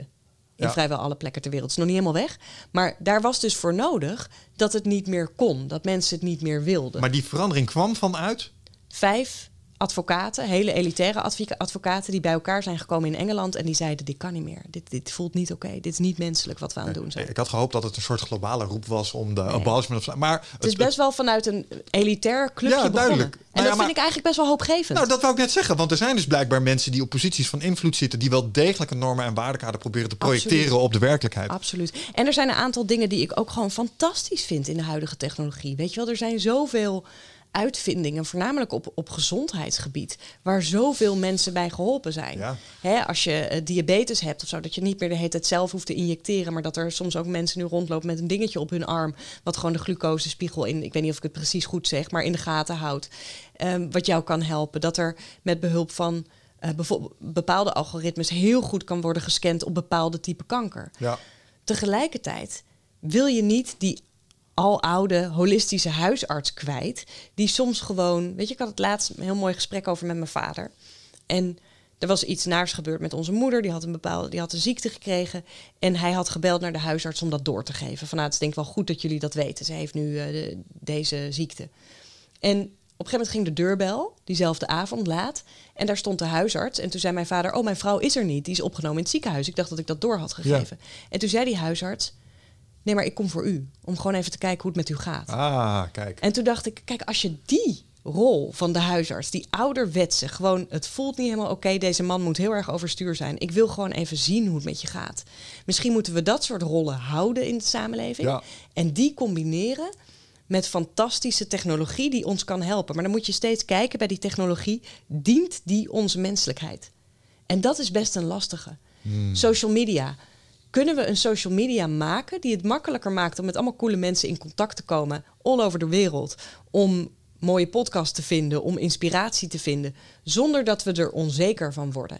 Dan moet je misschien wel verbieden aan influencers om de hele tijd filters te gebruiken zonder dat het er heel nadrukkelijk bij staat. Moet uit de software. Maar dat is wel een, een weg te gaan. Weet je wel? Dus, ja, ja, ja. Dus, dus dat zijn mijn ja, soort dingen waarvan ik wel zie van... ik denk dat we nu echt op het kantelpunt staan van... we moeten nu wel echt gesprekken gaan voeren... en hele pittige ook over... dient dit wel? Cool dat je het kan uitvinden, maar dient het wel? Want anders blijven we gewoon doen omdat het kan, weet je wel? Dat is zo'n verleiding. Ja, dus, dus als ik dat samenvat, Ja. wat je er eigenlijk zegt is... eh, over twee generaties zijn wij als mensheid in staat geweest... om ons collectieve verhaal te herijken naar iets waarbij de balans tussen wat we nodig hebben als mens... en de rol die technologie daarin vervult... maar ook de behoeftes die we hebben buiten technologie... Ja. dat die zijn uitgebalanceerd... omdat we een aantal keer in de valkuilen zijn gestapt... daar lering uit hebben getrokken. En wat ik jou hoor zeggen, en dat, dat is wat mij dan naar aanleiding van dit gesprek hoop geeft, is dat er ook daadwerkelijk iets met die inzichten gebeurt. Dat er bewegingen ontstaan om die bestaande structuren, en ik hoor je ook zeggen, in het verleden is aangetoond dat we dat kunnen, eh, dat die zijn doorbroken of omgebogen tot dingen die ons dienen, in plaats van tegenwerken. Ja, en dan heel kort. Twee dingen, en gewoon één om hem af te ronden en eentje misschien om hem concreet te maken. Van stel nou dat het helpt gewoon heel erg om die twee generaties voorbij vooruit te denken. Ja. Dus stel nou dat jij en ik het niet eens zijn, of we zitten samen in een commissie. Ik zit vaak met mensen in een commissie over de ethiek van bepaalde algoritmes. En we zijn het er niet over eens. Maar dan helpt het vaak van: oké, jij bent tegen de corona-app en ik ben voor, weet je wel. En dan zeggen we: wat is nou de gemeenschappelijke factor? Als we kijken naar over twee generaties. Dus hoe wil je dat je klein-kleinkind zich Ja. voelt in deze wereld? En dan zeg jij: nou, ik wil dat, ze- dat er niet overal ziektes woekeren. En dan zeg ik: nou, ik wil niet dat ze doodsbang is geworden voor andere mensen of zo. En dan kunnen we misschien samen zorgen dat dat ingebouwd wordt in die app. Weet je wel? Ja. Oké, maar dan mag het niet dit doen. Of dan moeten we wel op school ook hierover lesgeven. Of we moeten wel zorgen dat je, als je een klein kind ziet, niet zegt van oh nee, ik mag niet aanraken. Of. We kunnen daarover spreken. Dus die twee generaties voor, vooruit denken. Heel veel culturen doen het zeven generaties vooruit. Maar twee generaties is ehm, eh, misschien wat haalbaarder voor ons. Ehm, dat helpt al best wel. En een laatste die ik zelf gewoon altijd heel mooi vind, maar die is niet van mezelf. Uh, essayist, denker Rebecca Solnit heeft dat een keertje heel mooi gezegd. Je weet soms niet wat er was gebeurd als je niet iets had gedaan. Als je niet ergens in protest was gekomen. Als je niet daar een kritische factor in had gespeeld. Als jij niet deze podcast had gemaakt. Mhm. Dus het is heel makkelijk om terug te kijken en zeggen van ja, we weten dit toch al de hele tijd. Maar we zijn toch doorgegaan. En zij zegt eigenlijk misschien als je niet um, daar de hele tijd kritische notities had gemaakt in je vriendenkring. Of uh, deze serie was begonnen. Dan was er misschien, waren er mensen geweest die nog meer CO2 hadden uitgestoten. Of dan had je bepaalde bewegingen niet tegengehouden. Uh, en zij neemt daarbij als voorbeeld altijd het, het ozonverhaal. Van ja, dat is iets, daar is heel veel protest tegen geweest. En dat heeft nou toevallig wel een beetje geholpen, want er zijn daarop allemaal beleidswijzigingen gekomen. Dus het voelt soms zo hopeloos, omdat we vooral kijken naar, ja, maar die grote stoomtreinen van bedrijven gaan toch maar door. Ja. Maar misschien was het nog veel erger geweest. En dat is een beetje een cynische manier, maar het is ook wel een lieve Nee, manier. I- love it. Want um, wat, en dat heb ik uh, in de podcast met Paul Smit heb ik dat ook uh, kort aangehaald. Mensen onderschatten de, de 1 of de 0,5 procent. Ja, Uh, want, um, en het voorbeeld wat we toen aanhaalden, en ik haal het graag nog een keer want ik praat graag over het spelletje, was World of Warcraft. World of Warcraft, 40 man, draakje in elkaar trappen. Avond 1, het lukt niet. Avond 2, drie mensen uit je groep hebben wat werk verricht overdag, hebben nu een beter zwaardje. En dat zwaardje doet 1% meer schade. Zelfde draak met drie verbeteringen van 1%, wel omgelegd. Want elke keer als je dat dingetje gebruikt is 1%. En die tellen over de loop der tijd op. Dus, dus alle mensen die 1%'tjes nu wel gaan doen, dan onder de streep kan dat niet anders dan een beter netto resultaat hebben. Dus daarom vind ik deze echt helemaal geweldig. En dat is misschien ook een goede om hem uh, mee af te ronden. Helemaal goed. En dat op zich. Dus voor de mensen die hier naar luisteren en die denken, ja, oké, okay, goed punt. We moeten dat verhaal moeten we omgooien. Uh, er is nog zeker voor uitzicht. Want wat ik je niet hoorde zeggen is dat het over twee generaties afgelopen was met Nee. ons. Dus er is nog alle aanleiding om daar gewoon volop in te zetten. Dat nihilisme, fatalisme, uh, wat jou betreft, eigenlijk onterecht dus. Ja, en zeker ook gewoon echt serieus. Mensen in het Westen, we hebben echt de verantwoordelijkheid om hoopvol te blijven. Want anders weten we sowieso dat we stoppen met acteren, right? Justum. Nou, I think that's it for now. Cool. Luisteraars, dank jullie wel voor het luisteren weer. Uh, Roanne, mensen die iets meer over jou willen weten, waar kunnen ze je vinden? Uh, RoanneVanVoorst.com of op Instagram at um, uh, Roanne van Voorst. En mochten mensen wat willen weten over Hedge en de dingen die we daar doen, want er staat heel veel gratis content op en ook een podcast voornamelijk. Die Ja. heet Unmachine Yourself. Dus die gaat heel erg over menselijk blijven. Dat is imhedge.com. En als mensen wat meer willen weten over het nieuwe boek, dan kunnen ze naar bit.ly met zo'n i-klepje slash future of, uh, future of Love boek. Ja. There we go. Oké, okay, nou, ik zou zeggen, go check it out. En dankjewel voor je tijd. Luisteraars, bedankt ook voor het luisteren. En tot de volgende keer. Ciao. Bye. Bye.